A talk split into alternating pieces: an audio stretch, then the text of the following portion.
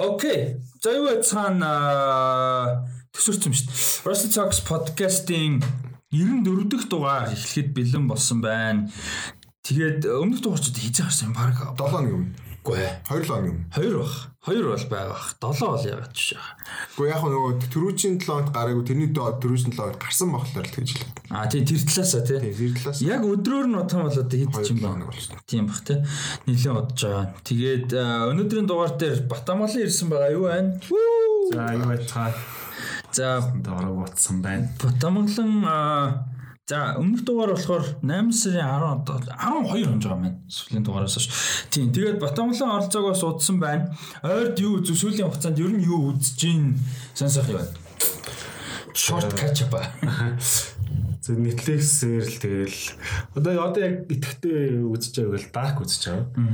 За тэгээд Netflix дээр ч өөр юу гэж үзлээ те. Тэгээд Netflix-ээс гадна гэвэл нөгөө Аз кинонууд татал үзэж байгаа. Одоо Аз инхахиха ивийнхахын За. кинондыг үзэж байгаа. Гэхдээ мэдээж бүр алфаа нь бол үзсэн л. Яг судалж Жохон жохон сургуунууд байна. Тийм жоохон соргуунууд нь үзэж байгаа. Гэтэ соргуунууд нь бол ихтэй бас яг үзсэн сайн л кино байт юм байл л дээ. Сайн кино байт юм билээ. Тэ. Тийм. Үзсэн ш. Тийм дээр Netflix-ээр л үзэж ин да. Би чинь үзлээ. Одоо сүүлдээ докюментари бас нэлээд үздэг болоо та. Netflix докюментари нь ер нь дайггүй билээ ш. History 101 тэгээд сүүл нэг Connected гэдэг. Тэн тэр connected-ийг билээсэнд оруулж чадвар төцөг л. Тэрийг бас үзэх өрөг нь үзэж байгаа. Тэр давгүй юм байна. Давуу давуу. Яг тэр угаасаа Netflix-ийн докюментариуд нь ер нь нэг жоохон ойролцоо хийцээ үед. Аха. Тэгээд ер нь бол угаасаа нэг юугаа барьцсан. Гошмо барьцсан бүгд л угаасаа чанартай. Нэг тийм одоо докюментари чинь нэг үзгийг нэг жоохон жоохон уйдахтай зарим нь. Netflix-ийн докюментариуд ер нь тийм биш. Нэг тийм үзүүштэй байдаг. Жохон entertaining те. Тэр Тийм. нөгөө hip-hop evolution тэр аяа гоё. Тийм би hip hop evolution үзээд short series-чээр нөгөө Dr. Dre-ийн Defined Ones үзсэн. Аа. Угаасаа л ингээл аягүй сайн. Тэр Defiant Ones чинь Jimmy Iovine тэр хоёрын. Тэр чинь HBO биш үү? А зүгээр Netflix дээр зүгээр стрим явуулсан юм те. Аа. Гатлаас. Тэгээ нь бол HBO байх. А тийм баха. Аха. Тэгээ тэмргүүл энэ. Тэр чинь мини series те дөрвөн анги мэгтэй л 4 5 анги ч те. Тийм.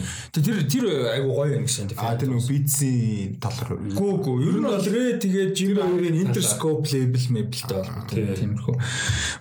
Уул мэдээд авчаад хэлдэг Тийм тэгээ яг нөгөө юу шиг. Одоо Netflix нөгөө Last-нess орсон маш тэ Jordan гээ. Тэр чинь ингээд найруулга талаас болохоор ингээд нэг back and forth штэ ингээд цаг хугацаа ингээд Тийм, нэг тийм, уушлаа нэг уушлаа тэр defined ones жоохон тиймэрхүү. Гэхдээ бүр ингээд бас ингээд бүр ингээд ушаа ушаа саваад ахгүй. Гэхдээ ингээд тэр үуч ингээд хоёр тусдаа хэлж байгаа байхгүй. Тэгээд нэг спойлер биш. Гэхдээ угаасаа л боддог хүмүүс болохоор тэгээд ингээд тус тусдаа ингээд найр тийм явж байгаа тэр нийлж мэлдэг тэр юм бас гой сонирхолтой. Jimmy Iovine ч амар том нөгөө хөгжмийн ертөнцид амар том нөлөөтэй executive нэг байхгүй. Тийм. Тэгээд би ерөөсөө өмнө бол мэддгүй байсан. Доктор тэр бол угаасаа мэдж байгаа. Гэхдээ Jim Iovine-ыг ерөөсөө мэддгүй байж байгаад тэгсэн чинь мань хүн ингээд ер нь бол анхандаа юм амар хөгжим талаас эхлэнгүүтээ сүүл рүүгээ жоохон бизнес тал руу холцсон. Тэгээд аль алинд нь амар амжилттай байсан. Тэгээс мэдээд судлаад үзсэн мундаг л хүн билээ л тээ. Тийм бах. Ялангуяа хөгжим талтай сонирхолтой бол бүр гоё л. Тэгээд нөгөө нэг цаагаараа label producer-ууд артистууд яаж ажилладаг гэдэг дээрс мэдээлэл. Тэгвэл бид нар бол ойлголт баг байдаг шүү дээ. Нэг студ байгаад байдаг нэг багийн дуу хичээл гаргаал байдаг тий. Яг Одоо студ болохоор ер нь бол юм штэ. Ингээд яг ран хийж байгаа хүн ихэнхдээ жоохон бизнес тал руу хөгжмийн талаар сайн мэдгүй. Тэгэнгүүт тэр ингээд уран бүтээлийнхэн чанар нь жоохон муу байгаа гэдэг. Тэгэнгүүт Jim Iovine чинь өөрөө продюсер байжгаад тиймэрхүү тал руу орчих чинь аль альнийх нь нөгөө юунд байдаг. Би тэр юг үзээд амар гайхчихсан нөгөө нөгөө э, NW нөгөө Straight Outta Compton. Тэр нөгөө яад штэ Easy Eat гэрээ хийцэн тэгсэн мөрчлөө NW хамт яваад идэг rootless ч үлээ. юу? Хин? Тэр нөгөө юу Easy Eat хамтраад нэг тэг нэг Jewish MC-р нөө биш ээ биш. Аа нөгөө чи цагааны яриад цагаан яриад байгаа. нөгөө хин то Пол нөгөө тийм, тийм. менежер нөө Менежер. Jerry Jerry. А Jerry тийм. Би тэрийг болохоор сайн ойлгохгүй байхгүй. Тэр болохоор яг хамлагаар нь гэрээ хийгээгүй зөвхөн Easy Eat гэрээ хийсэн юм те. мэдгүй би тэрийг одоо март. Easy-тэй гэрээтэй заяа. Тэгснэ Easy-ийн одоо нэг хувийн одоо personal нэг team assistant маягийн яг Easy-тэй гэрээтэй Тэгснээ за миний ойлгож байгаа шүү. Би яг сайн уншаа болох байна. Гэхдээ Striara Cup дээр юу гэж гардаг гэхээр тэгээ явж ийсэн аа. Тэд нар чинь жоохон амжилт олоод ирдэ штэ. Тэгсэн чинь нөгөө хэдтэй за одоо яа ингээд official болгоо гэрээ хийя гэсэн чинь өмнө угаасаа маань үн ингээд асуудалтай байсан маш таараа. Тэгээ Ice Cube чинь тэрийг Discovery-гээ тэгээ ингээ ингээ бөөн болд нь штэ. Тэгэхээр ер нь бол easy eatel гэрээтэй босны гэрэг байсан баг. Би энэ тэн дээр жоохон бүлээд өгөх. Студ нь яг ямар учиртай, тэр чиврийн ямар учиртай. Яг нь ер нь тийм яг Straight Company-г бол мартчихад таг яг үнэ. Гэтэ ер нь бол яг менежер гэж байгаа л да. Ер нь бол шүү дээ тийм менежер өөрөө лейблийг биш хамтлагийг юм уу артистик одоо төлөөлдөг байхгүй юу? Ер нь бол аа тэгээд гэрээ юмнууд бол мэдээж артисттай хийгдэн. Гэхдээ тэрэн дээр менежер амар их оролцоотой. Яаж артистаа тэ ингээд давуу тал гарах уу нэ тэр гэсэн ерөөд амар мэдл маань хин. Гэхдээ артистайгаа талдахгүй. Ихэнхдээ тийм байд. Тэрэн дээр би ямар байсан марчиж. Киног нь ямар ч амар айсуулгаар тэгээ Belgium мат ямар гоё тий. Wild Ones дээр бас юу тэр талаар бас цогц гарна. Угаасаа л доктор тэрийн карьерийн бас нэг болоод өнгөрсөн юм байна. Гэхдээ яг яаж гарах нь бол одоо нөгөө тэ аспект нь болохоор Australia Cup-д ер нь нэлээд төстэй. Ер нь бол адилхан. За, дадгүй сүүлийн дон юм үзүү. А Netflix-ээр нөгөө юу үзсэн? Jamie Foxx-ийн нөгөө Project Power-ыг үзсэн. Тэгээд өөр Guillermo del Toro-ийн нэг юу байгаа? DreamWorks-ийн Tales of Arcadia гэдэг нэг гурван trilogy цуврал хүүхэлдэйн кино анимашн. Тэгээ эхнийх нь болохоор Troll Hunters гэдэг, дараа нь болохоор Tree Blows. Одоо сая шинэ гарсан нь болохоор Wizards гэдэг. Эхний part нь гарсан. Season гэх юм уу да. Тэгээд удахгүй хоёр нь гарах байх. Тэгээд тэрийг үзэж байгаа. Тэр юу нь юм бол сонирхолтой. Яг хаа насны үед арай илүү нөгөө demographic нь арай жоох хөвгдөд байсан нэг арай жоох. Гэхдээ үзэхэд амар сонирхолтой. Nice. Би ямар ч байсан Punisher дууссан өөр ч Punisher season 2 дуус одоо Jessica Jones season 3 л үлдлээ. Аа ажлын юмар нэг ганц хоёр кино үзэх бах. Маргааш Waiting for the Barbarians үзэх нь а кинотеатрт гарч эхэлж байгаа юм билээ. Тавтгаас тэгээ маргааш Prime дээр нээлтэн болох юм байлээ. Амар ч ус үзэн. Тэгэд амар randomly Jiro Guerra, Zero Guerra тийм ээ чинь Итали хүн биш юм дээ. Jiro Zero болох. Zero Guerra-гийн хоёр киног ингээд театрт үзсэн шүү. Амар random колон буран бүтээлч гэнэ амар random тэ out of nowhere. Тэр чинь нөгөө Монгол жүжигчин байгаа даа. Тий, тий, тий. Тэр чинь цэрэн цэрэн дам болоо тий. Химлээ. Мэдгэс нэр санахгүй. Гэтэ Twitter дээр орсон чинь одоо манай улсад гарахаар болсон гэдэг нэг баярлсан баяртай байна гэсэн нэг тиймэрхүү нэг твиттер явуулсан. Яа өө цэрэн юм блэ нэг жүжигчин байдаг штэ. Бас тоглосон байхгүй энд. Тэгээд нөгөө бүдүүлэлтэй юу? Тэр шүү. Нөгөө юу болно аам ав тоглодог бол биш. Өөр жоо. Тэр чинь болохоор бас өөр. Тэгээд тэгсэн чинь яа нэг зураг Johnny Depp тэр хоёрын ингээд зураг тэр нөгөө нэг жүжигчин ингээд дээлмэлтэй. Тэгээд Johnny Depp-тэй сетэн дээр авсан зураг утсан чинь ууг нь хоёр жацсан хүн юм байгаа гэдэг. Шал хоёр өөр тийм юм 20 насны зэрэг. Уг нь хоёр юм байгаа ингээд нэг жок оролцсон байсан. Тэг Жон живч 60 маар хурж байгаа байсан. Арай өөрөө баг те. Дөгчөө нилээн дөгчөө. Жон Дэв ингээд залуу эзнэ гин хөгшин болонготой Тэгээ тэр химнэг байгаад нэ нэг тийм хөшинч биш одоо нэг тийм хижээл насны тэгснэ тэр юм дээр байгаад хүмүүс чинь ингээ хөшрөг ус мөсөн цайж байгаад ер нь хөшөрдөө ш. Жон Дэвч яг нэвэр ингээ байгаад л ш. 57 таа юм ба ш. Жон Дэвч. Өөр нь жүжигч гэхдээ ядаргатай нэг юм дээр байгаад гэхдээ тий яг нэг тодорхой юун дээр очичоод нэг хэсэг ер нь юу яд юм шүү 50-аад насны одоо Brad Pitt 56-т яг нэг юм 54 5-аас нэг 66 доллар 65 6 хүртэл ер нь нилээн бариад байгаа байхгүй а тэгчээд нэг 2 3 жилийн дотор гинт нэг өвөө юм яг нэг яалчгүй өсөг өсөг хүнийг насанд баригдтiin шүү. Тэгээ нэг 70 мал өрөөд ирэхэр яг нэг өөрчлөгдөв. Тэгснэ тэрүүгээр баг 82 3 хүртэл явцдаг. Тэгээ 82-дээс хойш бол үнэхээр хөгш юм бол тэр бүр ингээ гарах. Одоо ингээ бид нэр жоохон байхасаа ингээд хин одоо жишээ нь Michael Caine ч юм уу нэг бол Morgan Freeman ч юм уу нэг үрд хөгшин байсан юм санагдаж шүү дээ. Тэгээд өөрөөсөө тэгтээ нөгөө жүжигчний карьер нь амар дээр үд хийсэн. Тэгээд амар залуухан гэх дөрүүд амар их байдаг. Тэгээд бид нар тэрийг үзээгүй болохоор мэддэггүй. Одоо бидний дараагийн үеийн хүүхдүүд бас нэг тиймэрхүү байх те. Brad Pitt энэ тэр өөрөөсөө нэг хөгшин жүжигчээс санагдаад байдаг. Харин тэгтээ бас нэг бодлын юу байгаа? Яг бидний тэр нөхцлөөс одоогийн тэр нөхцлөөс жоох өөр ямар утгаараа гэхээр үзэх боломж ихтэй. Залуу Brad Pitt, залуу Tom Cruise-ийн бэлэн үзэх боломж. Бид нар чи үзэх боломж нь анханасаа бага болохоор мэдгүй юм амар их. А чин Денирог бид нар нэлээд тасдагцсан харсан ч гэсэн залуугийн юмнуудыг мэддэг л байсан шүү дээ. Зарим нэг киног нь одоо нөгөө нэг Godfather-ын тийш алдартай кино болохоор ингээ харж ирсэн байдаг. Тэр шиг ингээ нөгөө одоо Pacino шүү дээ ялангуяа тий. Тэрийг мэддэг болохоор гайгүй. А мэддгүй нь өө shit нэрээ зааргүй. Obviously залуу байсан байдаг юм. Тийм болохоор юу яах гайгүй баха. Гол сайхан Godfather үзсэн юм дээ. Гурал гинөө? Гөө ихний хоёр. Аа за зүгээр л зүрлэссэн. Хоёр ойр Godfather та үзээгүй үзээгүй онцсон байж байгаад үзсэн чинь бас баял. За тэгвэл яг нэг үзнэ гэж бодож байгаа эсвэл үзчихвэл айгу гоё кино бай юу вэ? Яг хуучны ч юм уу үзчихсэн нэг тийм. За нэг за нэг гоё үз ганц гоё үзчих юм. За би бол Баркиг л өстэй удаан бодож бодож бодож явж л одоо үзчихээн. За үзээд явж байгаа юм тий. Тийм. Тэгээд зур. Тэгээ хуучных юм бол би нэг тэгж чаа сууж байгаа Taxi Driver үзмээр. Тэгээд үзээгүй кино үзмээр байна гэх юм бол Casino үзмээр байна. Casino яан зэ.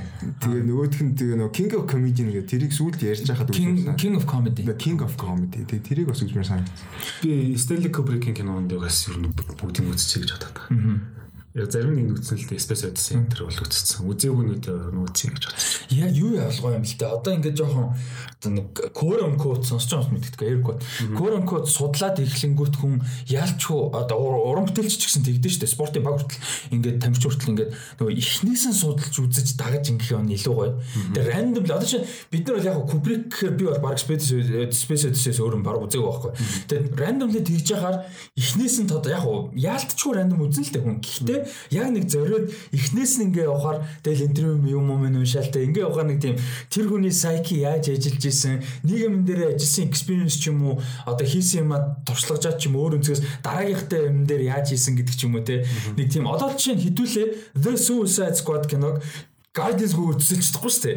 Guardians-ыг дэ хийхдээ ямар юм гаргасан, яаж экспресс хийсэн, тэр experience-ээ The Suicide Squad-ээр яаж ажилласан. А магадгүй тэрнийхэн дараа Guardians 3 ч юм. Яг нэг тэр experience ч өөр амар гоё байгаа гэдэг спорт ч гэсэн тийм шүү дээ. Залуугаас нь ингээ карьер нөхөх гоё байдаг. Тэгээ би тэгтээ хүн карьер нөхөх юм бол жишээ нь Кубрик ч юм уу тэгэх юм бол би завсарт нь нэг тийм гайгүй ингээд одоо толгоогоос амраах юм уу оруулж байгаа. Тэг тэгэхгүй Тэгэхгүй бол ингээд шийд гэ. Тэр хүний ертөнцийн дайв хийждэг тэгээд тэгээд тэрээга тэгээд зовоод чаналаад тэрийг гэхдээ нэг тийм бүр өөрөө өөрөөсөө баг ингээд зорж байгаа нэг тийм academic study level-ээр явал гоё байх. Гэхдээ нэг тийм ял болгож биш. Зөв яг genuinely сонирхлоороо гэхдээ нэг тийм specific дундуур жоохон цөллөд аа гэж. Дундуур нэг ганц Jim Carrey оруулж байгаа. Тэгээд явуулдаг аягүй. Counter balance тэ Zack Galifianakis ч юм уу. Тийм. Тэгээд ойрт юу би юу л амир их үзье гэж бодоол байгаа. Терминатор 2 бүр үзмээ санагдаад айгу удаад байгаа. Judgment амар гоё штэ. Тийм тэгж удаад удаад байгаа. Өш зүгээр амар рандом би өнөөдөр бодож байсан юм. Пост их чам харчиж аа пэйж дээр тойроос асуу. Би нөгөө нэг өнөөдөр алхаж яваад тэгээ нэлээ алхахтаа нэг бүтэн цомог сонсоё гэж боддог. Taylor Swift амар сонсч байсан ойр их сонсцсон болохоор өөр нэг цомог сонсоё бодож бодож бодож байсан юм дээр буусан гэдэг амар дассан юм дээр бууж хөө. My Beautiful Dark Twisted Fantasy тэгээ би өнөөдөр яг бүтэн ингээ сонсох тэгээд Тэгээ хүмүүсээс зүгээр асууж ирсэн. Яг ингээд хизээч хідэн ч жил болж яаж исэн ч гэсэн эхнээс нь дуустал ингээд нэг тийм сонсдог цомог байдаг шүү дээ. Яг гоо би а нэр тийм пост хийсэн юм. Тийм тийм цомог юу байдаг үлээгээ бодож байгаа байхгүй. Тийм пост хийсэн л юм байна л да. Та хоёр тийм цомог байдаг. Ер нь ингээл нэг ингээд хизээч байсан гэсэн эхнээс нь дууссан сонсоход гоё. Би бол ер нь ихэнхдээ шин цомог гарангууд эхлээний бүхнэрээ сонсчоод Тэг яг таалсан дуунуудаа шилж авч яагаад тэгээд цаашдаа сонсчдаг. А тэгвэл яг чиний асуусан асуултанд яг хариулахад бол би Big Bang гэж солон санал гэдэг чинь Big Bang-ийн цомгуудыг ер нь бол дуунуудыг нэг халахсахгүй сонсчдаг юм байна. Нэг хэсэг бүр амар одоо хэр амар хэр Одоо нэг гишүүн байхгүй байгаа. Тэгээд сайн нөгөө Coachella дээр тэднээс нөгөө нэг зэрэгт явцсан. Аха. Тэгээд эргэж ирээд яг Coachella дээр comeback хийчихсэн чинь коронавирус олоод. Оо тийм. Энэ жил тэр чинь баг анхны удаа солонгос хамтлаг хамтлаг ягчсан уу? Нөгөө Blackpink-ийн түрүү жил орсон л та. Нэр Coachella гэдэг нь бас туслагдсан шүү дээ. Яг Big Bang-ийн scope нь Blackpink-ээс хамаагүй том л доо. Аха. Ер нь бол Илүү олон жил байгаа. Тийм олон жил тэгээд одоо ингээд Blackpink-аас нэг гарч ирнэ 2 2 жил мэл болцсон уу. Ингээ ер нь уран бүтээл Harspig гэж хамаагүй өөр л угаасаа нэг юу штэ. Лейбл үү? Тэг нэг лейблийн юм уу тэгээд гол нөгөө эдгэрсэн зэрэгт явцсан. Тэгээд ингээ жил гаруй ингээ болцсон. Амар хүлээлттэйсэн байна. Татггүй байд. Тийм цамг байдаг. Nostalgia factor-ыг оруулах юм бол. За. Гэхдээ энэ нөгөө юу байхгүй. Бид нэг сүүл нөгөө чи арал дээр нэг ганцаараа үлдэх юм бол 3 альбом авч үзэх юу вэ гэд. Би тэнцээ нөгөө тхий юу Maroon 5-ийн нөгөө. Биш Songs about Jane. The song about Jane. Hands all over гэдэг. Тэр яагаад вэ гэхлээр тэр тэр юу гэсэн байхгүй. Жохон байхад над ганцхан CD гэдэг гэсэн. Тэрнийх л гэдэг гэсэн нөгөө Hands all over тийм жоохон байх. Жохон биш ээ. Гэтэ зүгээр надад Бараг 10 10 тагстай. 10 How is it жоохон байх? Hands all over. Hands all over. Moves like Jagger байдаг цомог штэ.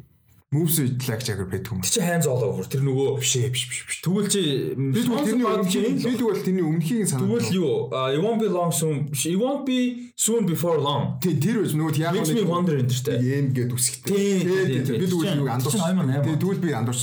Тэр тэр над бид үгсэн. Шүү дээ. бүтэн сонссоор байгаа тэгээ нөгөө тасцсан тэгээ амар nostalgic factor-аар бол тэрийг бол бүтэн сонсчтой. Nice. Өөр гоё цомог. Тэгээ бүгдөөг ингээд явуулж сонсчтой. Одоо яг өөр альбом гэх юм бол би нөгөө Bon Ivory нөгөө тхи 4M-аг би бүтэн сонсчтой. Машин чинь барай явж явах юм бол 50 шууд бүтэн дуусах шүү дээ. Яа чи forever ч амар шүү дээ. Аяа би би амар шүү. Гэтэ зарим нэг тохиолдолд гэтэ мүүдэн шалтгаалдаг л да. Яалчгүй яалчгүй. Гэтэ Яг мууд бол яалтчгүй шүү дээ. Мэдээж хамгийн дуртай юм уу хүртэл мууд таарахгүй гэж мэдээж байгаа шүү дээ. Надаас нэг цомог санаанд орсон. Westlife-ийн нилээ жоохон магтал сонсдог байсан. А тэр нөгөө юу юм уу байдаг цом. Хамгийн хамгийн ихний дуу нөгөө нэг оо shit юу лээ. Uptown Girl-оор хэлдэг. Аа. Тэр цомгийг л угаасаа нэг жоохон мач ингээ байгаа юмаа сонсдог байсан. Одоо ч ингээд нэг хүссэн юмаа сонсдог болсон юм шүү дээ. Манад Westlife-ийн нэг концертын нөгөө нэг World Tour-ын нэг бичлэг үүдээсэн. Nice. Тэгээ тэр нь ингээ бүтэн яваад дуусах би тэгээ бүгднийг барь зэжлээ байсан. Ингээ дундч мундч чах таартал явж л байна. Тэгээ тэр үед нэг тийм юм зорж сонсгосоос дуртай гэхээс илүү явж байгаа юмнаас л дуртай болдог шүү дээ. Тийм. Радио мадиогоор юу яваа тэгэл нэг тийм л үүдэг эсвэл байгаа диск. Манад Michael Jackson-ийн history байсан double disc тэр хайцгүй. Тэр одоо байсан бол тэрийг би ингээ жаз дээр. Амар. Тэр байдаг байсан юм. Coldplay-ing A Rush of Blood дээр head байдаг байсан юм. Тэг байх одоо хайцсан. Маад бас юу гэдэг вэ? Нэг э, хүмүүс мэддэг байхаа. Нөө Colby Clyde лөө. Kobe Kyle Kyle ч юу. Тэгвэл Jason Mraz-тай нэг дуу тэрүүгээр амар болсон. юу гэдэг би CD дүүс. Би тэрийг YCT тоолж явахдаа тэрний CD-г тавьж дүүс. YCT нэг country нэг амар дуу тэгснэ YCT тоолож аваад дүүс. Яа Kelly Clarkson мэддэг ус нэр because of you. Тэг чин цомог нь бас because of you ах шүү. Гүчл. За за за. Хөгжмнүүд иймэрхүү байна. Тэгээд мэдээлэл ямар юмнууд руу оръё. А тэгээд тэрнээс өмнөр бас нэг яг мэдээлэл гэнэ нөгөө скрипт мэдээлэлс гадна групп нээсэн байгаа. Манай сонсож байгаа хүмүүс бол мэд зарим нь мэдж зарим нь мэдээгүй. Events with Rusty гэдэг групп нээсэн байгаа. А тэгээд тэр групп яах вэ гэхээр за нэгдүгээр контент юмнуудын одоо аль болох илүү мэдээлэлтэй юу гэдэг хамгийн түрүүний мэдээлэл юмнуудаа хуваалцсан. А дээрэс нь Movie night-ууд за ирээдүйд мэдээж ивентүүд байгаа. Коронавирусгийн жил том ивент юм байсангүй киноны одоо э, том ивент биш юм их ядаж үзүүр гэдэг шүү дээ шөнийн үзүүр. Тийм юм байсангүй so far. А гэхдээ яг одоогоор яригдж байгаа юм гэх юм бол Tenet Wonder Woman 1984 дээр шөнийн үзүүр яригдж байна. А дөрөвдүгээр шөнө. Тэгээ одоогоор бол конференц болоогүй гэхдээ нилээн нааштай байгаа. А дээрэс нь энэ оны анхны бөгөөд цорын ганц нилээн бас жоохон ч гэсэн бас ингээд өргөн хүрээнд хийх гэж зорж байгаа ивент гэх юм бол яриад эхэлсэн байгаа. Гэхдээ ажил бол болж амжаагүй гэх юм одоо нэг тиймэрхүү байгаа гэх юм бол Black Widow байгаа. Black Widow дээр ер нь нэлээд бас гоё ивент хийя, тэг шүний үзүр хийя, энэ тэр гэсэн юм бол төлөвлөж байна. Гэхдээ асуудлууд их байгаа. Нэгдүгээр нөгөө суудалд өргөж болохгүй, коронавирус одоо нөгөө онцгой комс гэж нөхдүүд ямар шийдвэр гаргах нь за тэгээд 12-оос хойш нөгөө үйл ажиллагаа зохион байгуулах те тэр асуудал. Энэ тэргээд ер нь жоохон асуудалтай. А гэхдээ тэр бүхний мэдээлэл юмнууд бол энэ групп руу байн хамгийн түрүүнд байнгын апдейт хийгдээд ороод явна. А тэгээ энэ групп дундаасаа movie night бол хийгдэн. Movie night ерөөсө public явахгүй. пэйж юун дээр хааж постлогдохгүй зөвхөн групп дотор мэдээллүүд явна. Аа тэгээ Movie Night-ийг зохион байгуулах талаар одоо театрууд дээр ярьж байна. Кан бол окей гэсэн байгаа. А гэхдээ миний санаагаар бол энэ удаад театрт уулын үргэлжлүүлэх сонирхол бол байна. Гэхдээ obviously театр гэхээр зардал мөнгөний хувьд шал өөр асуудал болно. Дээрнээс нь copyright энэ төр. А тэгээ тэрийг бол одоохондоо шийдэг байна. Гигантэн 20-нд одоо 5 жилийн ойн болж байгаа. Тэгээд тэрний дараанаас хариу өгнө гэсэн байгаа. Аа өргөөдөр бол яг хав санал бол өгсөн. Яг үн ингээд ингэж ажиллал болж байна гэсэн. Гэхдээ тэр бол бидний хувьд групп дотроос ихэд дэнд хүрдэг өндөртэй бас боломжгүй ерөөхдөө болох гээд байгаа. Тэгээд ийм групп бол байгаа Events with Rusty гэж байгаа шүү. Тэгээд баг линк нь шууд Facebook гээд groups гэж хүчингүүтэй дали зураас тавиад groups гэх өнгөтэй дали зураас тавиад events with rusty гэхээр баг орж бах. Эсвэл зүгээр Google Google гинэ. Facebook search яхаар гарч бах гараад ирэх бах гэж бодож байна. Тэгээ тийшээ орцгоогоор тэгээд орохдоо зүгээр нэг юм хитгэн basic асуултууд байгаа тэрэн дээр нь хариулчаарай. А тэгээд ер нь бол group дээр нэлээд мэдээлэлд а ороод явах бах. Тэгээ кино цокийн юу ихэлсэн байгаа. Зарим нэг нь харсан бах. Ажил гэх юм да ерөнхийдөө сизон 2-ын ажил ерөнхийдөө яригадад эхэлсэн байгаа. 10 сарда эхэлж гин гэж найдаж гин тэгэж ажиллаж гин. Тэгээд бүх юм бас үснээр болдоггүй. Тэр төрөө надаар хэлэхгүй мэдж байгаа. Гэхдээ зорилго нь тэр. А дараагийнх нь болохоор үзүрийн дараа гэж шинэ веб шоу байгаа. А тэрний маань ажил бас ер нь эхлээд явж байгаа. Удахгүй ер нь нэлээд удахгүй нөгөө юу гэдэг лээ юм дуулах гэдэг л тийх бах гэж найдаж байна. 9 сарда багтаад идэвхжүүлэлт эхлэх бах магадгүй 10 сараас эхэлдэг ч юм. Ер нь кино зогтой нэлээ ойрхон бах. Гэхдээ формат нь шал өөр өөр одоо шоу учраас одоо давхцах ч юм уу те янз бүрийн тим тал дээр бол асуудал гарахгүй. За энэ хүү байна. Апдейтийн хувьд бол за тэг групп руу орцгоорой. Instagram дээр дагаарай. А Rusty Mind 7 гэдэг байгаа, @datco гэдэг байгаа. Батонлон нээсэн үү? Байхгүй хэвээрээ. За тэгээ Батонлын Instagram нээчээд хаагаад баг хэдэн жил болчихлоо тий. Тэглээ. Instagram яг нэг подкаст олонгоот л Instagram байхгүй. За А өмнөх э, юун дээр подкастн дээр дадгүй тэр яг энэ өдөр нь ингээ трейлер гарах гэж байгаа. Гэтэ бид тэр ингээ хоолой бичиж байгаа нь цаг нь таарахгүй нэ гэж ярьж ирсэн бол Charlie Kaufman-ы шинэ кино I'm Thinking of Ending Things гэдэг нэртэй кино байгаа. 9 сарын 4-нд Netflix дээр орох хуваартай байгаа. Тэгээ трейлер нь бол гарсан. Тэгээд та хоёр сэтгэлдээ болцоо. Ер нь Charlie Kaufman-ы кинонуудаас за дээрэс нь энэ киноны яг трейлер ямар санагдав уур амьсгал. Надад бол Дүнбэс айл трейлер үзлээ л дээ. Тэгээ хин дээр нэг тийм фарго шиг вайбтай эхэлж ийснэ сүүл рүү болохоор нэг жоохон ингээд учир нэг гараад ирсэн чинь бас жоохон нэг юу шиг юм те. Ямар ч фарго шиг нэг тийм яг одоо орчин те нэг тиймэрхүү харагдчихсан. Тэгэхээр үйл явдал цасмастай үйл явдал нь бол тийм биш. Тэгээ нэлээд бас сонирхолтой л Манай нөгөө хин байл шүү дээ. Breaking Bad-ийн Todd. Тий, Jesse Jesse Plemons. Тий, Todd гэснээс тэр Camino дээр гарсан шүү дээ. Амар таргалцсан шүү дээ. Тий, Camino дээр шүү дээ амар тийм том болцсон байсан. Аа тийм. Тэгээд гол дүр нь болохоор энэ Джесси Бакли гэдэг юу үтсэн хүмүүс мэдж байгаа. Чернобыль үтсэн хүмүүс мэдж байгаа. Нөгөө firefighter гэдэг чинь хортчдаг. Тэрний ихнэрт нь Людмила гэдэг Игнатенко гэдэг дөр үүдсэн. Аймад нэрийн сан жинтэй. Тэр тэр дүрд тогсон эмэгтэй байгаа. Ирланд жүжигч. Датко гэдэг. Аа амар fucked up харж илээ. Яа, тэр нөгөө юу? Яа, sorry, буруу болоо. Амар чимээ уужгаа зэрэг. Уул нь өөрийнхөө нөгөө эмгтээгийнхээ ээж аавд очисон гэсэн чинь нөгөө нөхрийнхэн зураг нь байдаг жоохон хөвгт жоохон багийнхаа. Биш эсрэгээр нь тэр найз залуугийнхаа гэрт нь очиж байгаа таав ээж тэр нь. Тэгсэн чинь өөрийнх нь зураг байж байгаа шүү дээ. Нь тийм болохоор эсрэгээр нь ойлгоцсон. Хаа. Би болохоор би тэр эмгтэн ээж аав дээр очиж. Үгүй үгүй тэр зайцлуугаа ээж аав дээр очиж байгаа байхгүй юу? Тэг ямар ч юм тэгээд бол нэг тийм факт аа. Тийм факт аа болсон. Тэгээд найзлуугийнх нь хүүхдийн зур насны зураг гэдэг заасан чи өөрийнх нь хүүхдийн зураг гэж. Тэр амар факт аа амар үгүй шээ. Тэгснээр тэр нөгөө нэг газар очиж юм авсан чинь don't go with тэр. Тийм. Амар тийм амар mindfuck хийх юм санагцсан. Яг дугаасаа тэгээд амар mindfuck кинонд хийдэг болчих. Тийм. Charlie Kaufman өөрөө айгу сонирхолтой артист шүү дээ. Тэгээд дээрэс нь энэ ер нь эстетик нь надад амар таалагдсан. Постэр нь, трейлерийнх нь өнгө нь, хийцэн. Одоо яг нэг ийм юм байдаг болчиход яг байнг ушил дээ. Гэхдээ нэг юм нэг specific нэг sound ч юм уу нэг обжект нэг өнгө юмар ингэж нөгөө үзэгчийг хөк хийдэг болчиход байна л да. Тэгээ тэр нь бас зөвхөн хөкээс гадна сайн кино бол хөкээс гадна а зохиол дөрүүдтэй холбоотой ач холбогдолтой юм байдаг. Одоо нөгөө нэг Hereditary-д тагнаад ичдэг, Conjuring дээр алаад тачдаг те иймэрхүү нэг деталаад байгаа шүү. Одоо Dunkirk дээр чинь цаг дуурдаг те гэл трейлер дээр кинон дээр бас гардаг. Тэр шиг энэ дээр бол нохооны юм сэгсэр дулаагаас сэгсэрдэг. Тэр саундыг энэ дээр амар замаа ашигласан бөгөөд.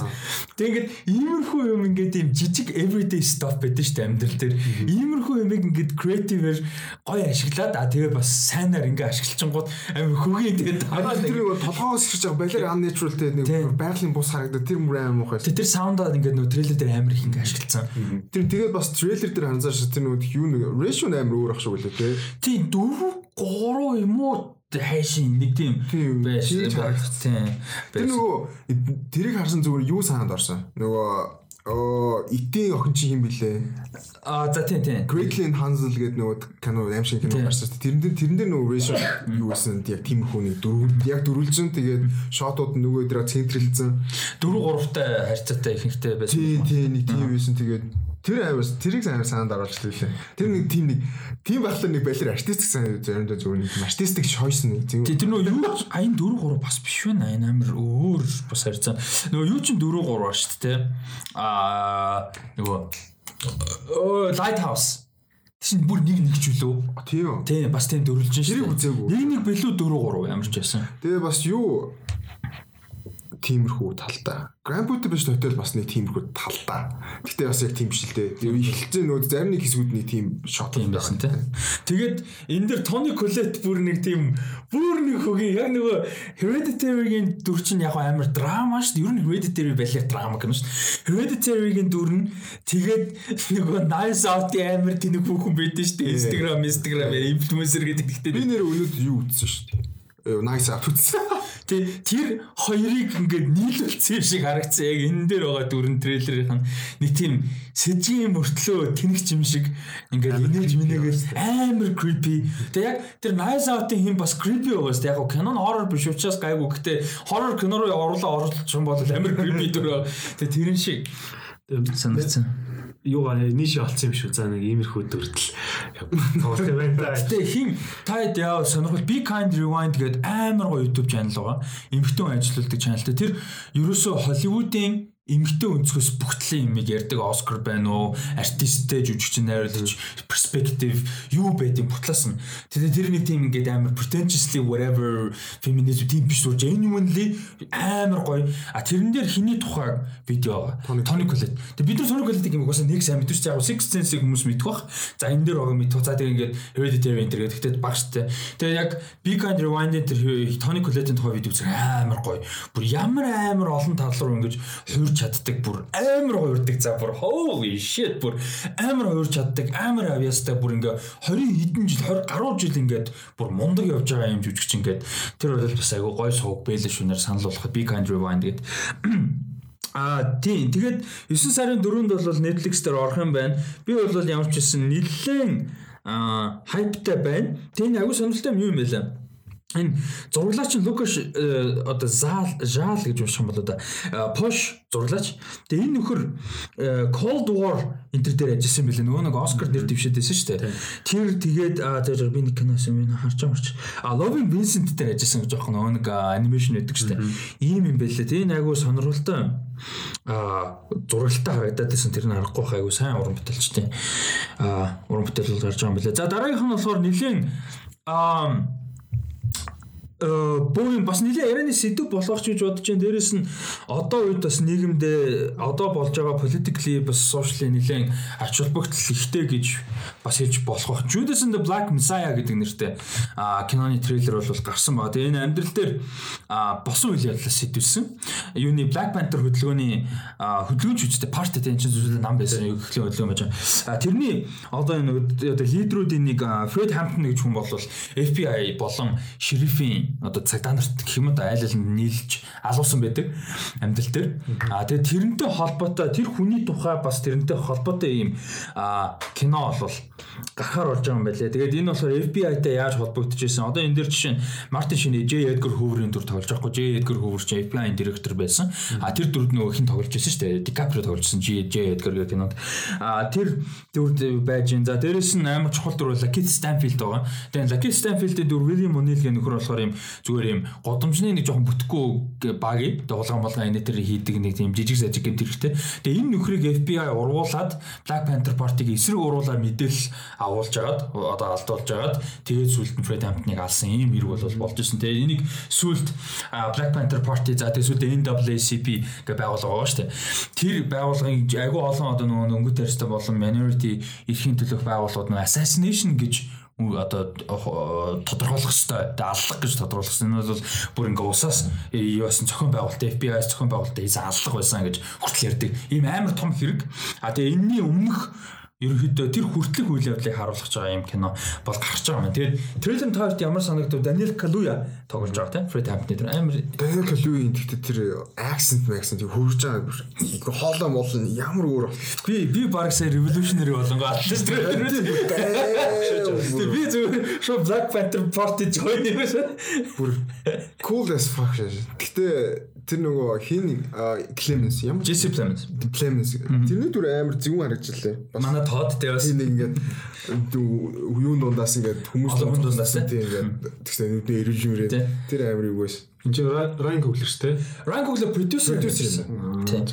Director нь хин гинүү? Энэ анх удаага кино найруулж байгаа урамтай Shaka King гэж хүн юм байна. Тийм анхны. Ер нь бол гоё ирж илээ. Угаасаа тэгээд сайн сайн жүжигчд байгаа.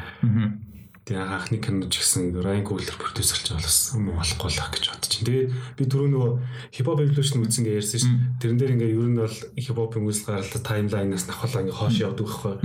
Тэгээ ер нь бол Black Panther гэж үг яг сонсч ирсэн болохоос нэг сайн мэдгүй. Тэнгүүд Tupac-ийн талаар гардаг байхгүй. Тэнгүүд яг ингээ Tupac гэсэн age mage нь Black Panther Party age mage ингээ. Тэгээ бас тэр талаар жоохон гардаг. Тэгээд тэрнээс асаа ингээл жоохон бас мэдээлэл авсан. Тийм хинээ ээж чинь тийм байсан. Хин Каньегийн ээж чинь бас Black Panther-тай амар ойролцоо ажиллаж исэн. Бүр ингээд нөгөө эсэргүүцлэн эсрүүцлийгээ 6 7 настай та жээл хүртэл орж исэн. Ээж мэж нэг өөдөгөө цаг автан цаг. Тийм юм бол байсан. Трейлерс үзэхэд юутай Black Clansman-аас жоохон vibe жоохон ойролцооч юм шиг. Угаасаа ер нь бол нэг сэтгэн нь бол ойролцоо. Акшн бас байх шүү лээ. Black Clansman гэхдээ амар comedy те. White гэдэг. Яг ингээд яг одоо яг энэ ингээ хоёулаас нь харуулж байгаа юм. Энэ бол нэлээд serious нэлээд харагдсан. Тэгээд ер нь айгу гоё яг нөгөө нэг Black Panther movement чинь бас асуудалтай юм бол байхад бол байсан. Зарим нэг хүмүүс нь дэндүү radical те, дэндүү ингээд бүр юм violent хүмүүс бас байсан. Тэр нь бол асуудал байхад байсан. Тэр нь ч өөрөө Black Panther movement-ийн парти-гийн парти лай болсон ч юм байгаа. Баг өөр өөртөө. Тэгээд нөгөө трейлер дээрээс харахад нөгөө Black Panther яг юу movement-ийг болохоор terrorist гэдэг нэг ягаад лейбл хийгээд ах шүү. Яг одоо тийм болоод байна шүү дээ. Нөгөө Black Lives Matter movement нөгөө Trump болон тэрний нөхдүүдтэй нөгөө terroristүүд violence яадаг идэг гэл яг одоо өдөр тутам болж байгаа асуудал шүү дээ. Тэгээ одоо болсон чинь нөгөө нэр нь киноны нэр нь make sense. Нөгөө Judas нөгөө Jesus-с урдсан шүү дээ. Тийм. So it's Judas and Black Одоо ингээд George Floyd энэ төргээд бүр ингээ амар exposure үүссэн байгаа дэр энэ гараад бас амар анхаарал авах.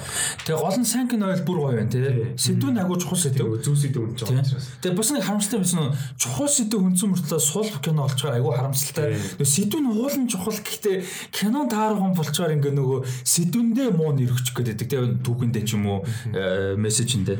Тий нөгөө юунээр болохоор Black Clansman дээр болохоор Ku Klux Klan-ыг ер нь илүү яадаг шүү дээ одоо юм шиг гаргадаг гэх юм уу.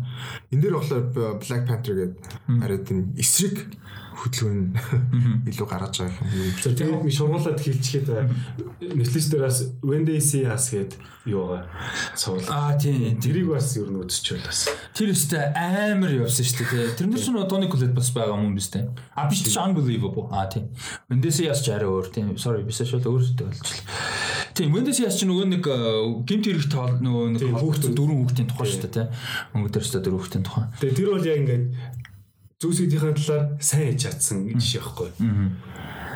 За дараагийнх нь энэс айгу инээдтэй. А 8 сарын 20 Netflix дээр бас нэг докюментари байгаа. Энэ саяных бол мэдээж нийгмийн хувьд глобал айгу чухал том сэдвтэй холбоотой кино байгаа даа. Тэгээ трейлер бол амар гарч ирлээ. Сая таар нэг нь хин дурдлаа акшн бас харагдчихлээ тий.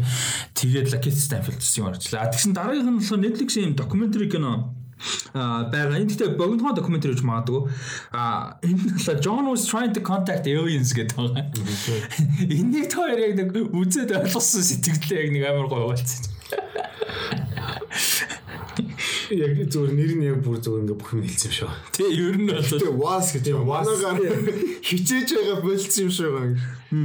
Тэр тэгтээ амар тийм obsession юу юм чи ямар нэг юм тийм одоо юу obsession гэдэг Одоо амьдралынхаа утга учир нь болсон байгаа. тий.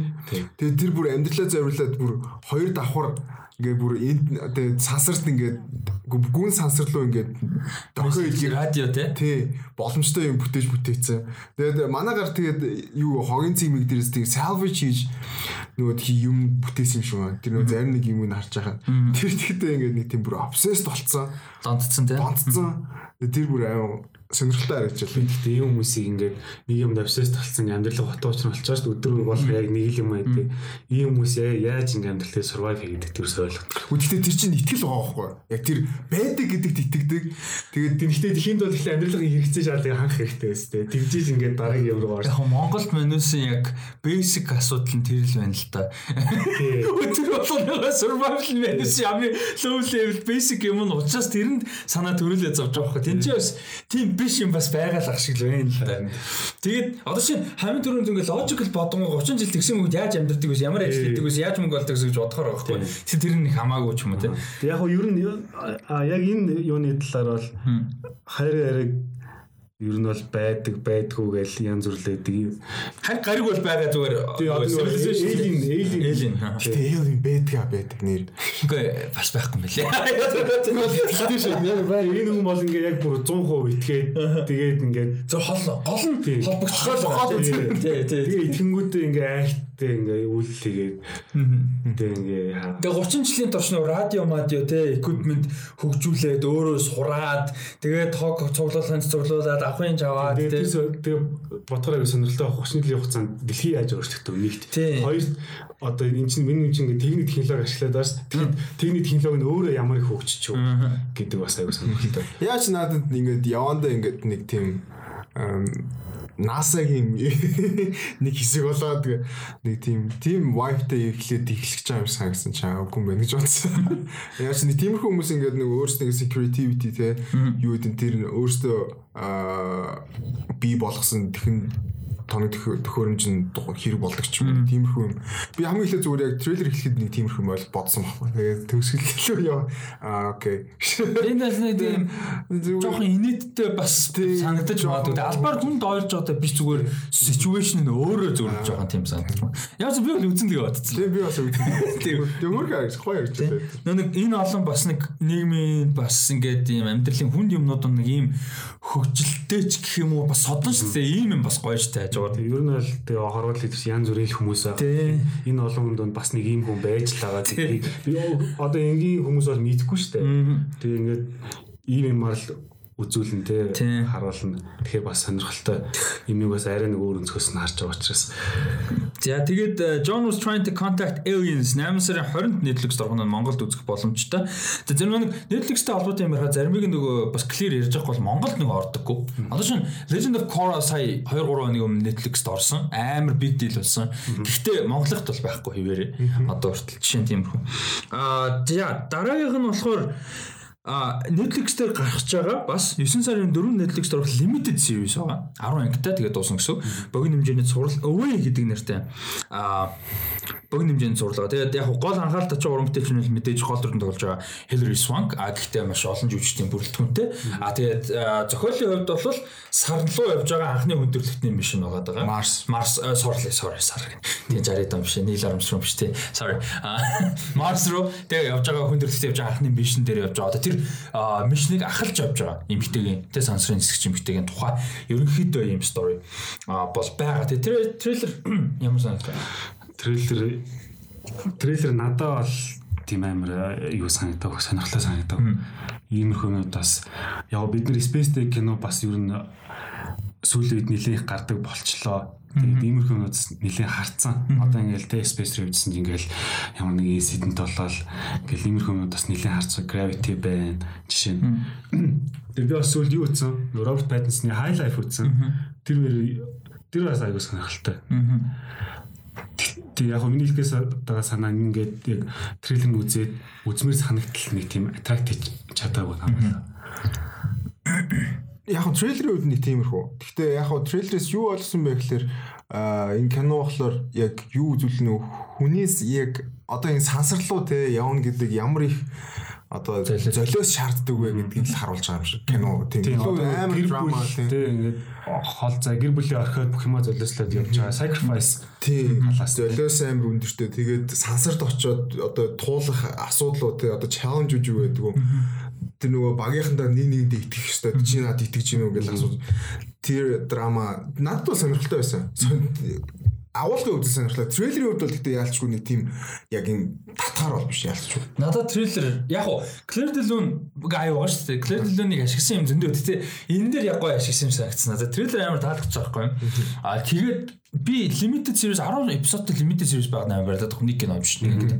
Яагаад тэгэхээр яг human drama-г explore их амар их боломжтой. Энэс би бол амар action ч юм уу те epic sci-fi юм баг гарахгүй. Яг Mars руу явна гэдэг одоогийн бидний хувьд science fiction л доо. Гэхдээ энэ дэр нэг тийм амар нэг тийм гол юм биш те science fiction гэдэг зүгээр гол юм space adventure тэг хүний гэр бүлийн хүний золиос гэдэг юм family те тэгээд trust тэрийг амар гоо explore хийх юм санагдаж байна. Тэгээд надад яг тэр нь амар гоо сан. Тэгэд а надад айгүй анханасаа яг ингэ үзэж хат айгүй сонирхол анханасаа биш яг трейлерын төгсгөлөөр харж хат айгүй гоё санагдсан. Оо гэж бодсон юм тайтл нэсэн. Өвөө. Яагаад тэгэхээр Hillary Swank буюу одоо сансар руу явж байгаа хүмүүсийн үзэгхээс илүү тэр хүмүүс тийшээ одоо Mars руу явж байгаа биш тэр хүмүүс going away баггүй. Тэр хүмүүс гэрээсээ юм уу?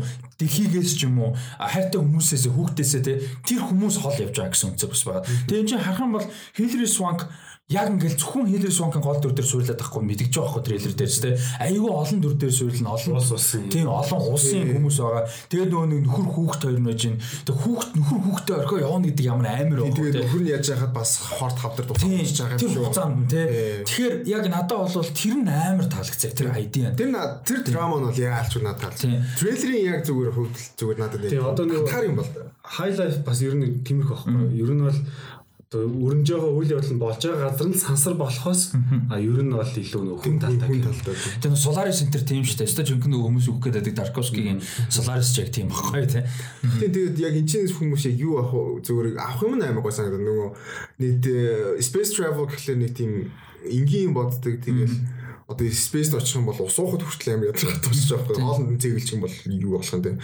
Тэгээд нэг тийм одоо яг амьдрал дээр яг юу болох вэ? Тэр тийшээ явж байгаа хүмүүсийн sacrifice дээр золиос нь юу байх вэ гэдэг ингээд хүмүүст ойлгуулахар гоё хахад. Спонсоршийн дараа хэдэн жилийн дараа жинхнээсээ маршал хүмүүс явлаа гэхэд тэр хүмүүсийг багцсан хүлээд хийж болж байгаа. Гэхдээ анхны марш явж байгаа мишний хүмүүсийг тэд нар зүгээр instant human history legend-уудыг одоо дээрс мон баг one юу лээ sided mission шүү дээ. Ер нь бол suicide mission явна шүү дээ. Бараг л.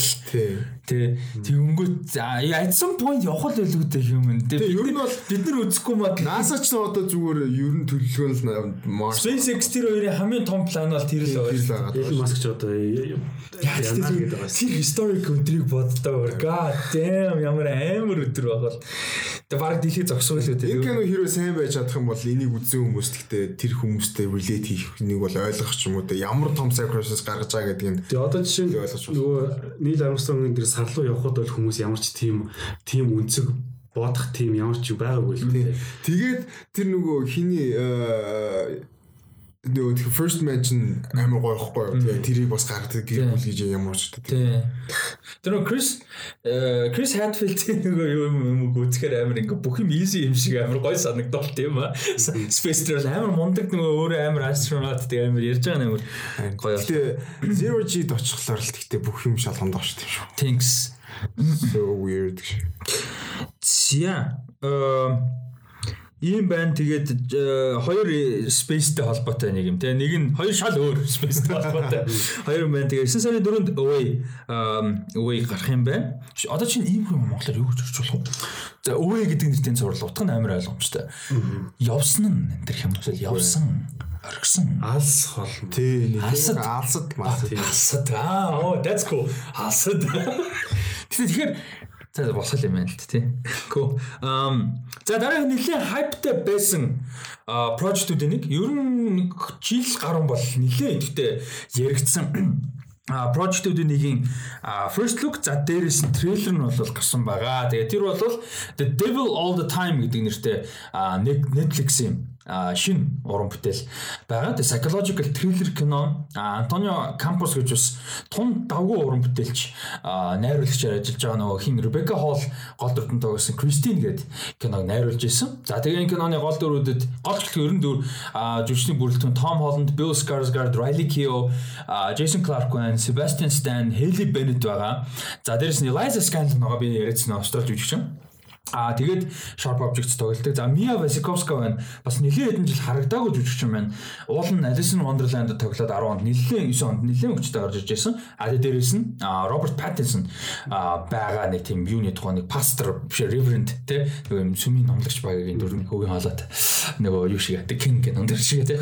Аа ийм байгаа. Тэгээд трейлер аа, гарсан байгаа. Постэр бол яг нэг тийм амар онцод юм бол байхгүй. Аа трейлер та хоёрт ямар санагдав? Би бол ойлгоогүй. Ер нь бол юу ч ойлгоогүй. Гэтэ аа яг хүмүүс угаасаа синопсис энэ нь уншсан байлгүй. Тэр Нэг 20 донд болоод шүү гоо тий. тий 2 дугаар дайны сүүлэр. Бүр сүүлээр а, бүр 40 донд юм байна. Тий, тий. Аа, 40 он дуусны дараа ч юм уу да. Тэгээд нөгөө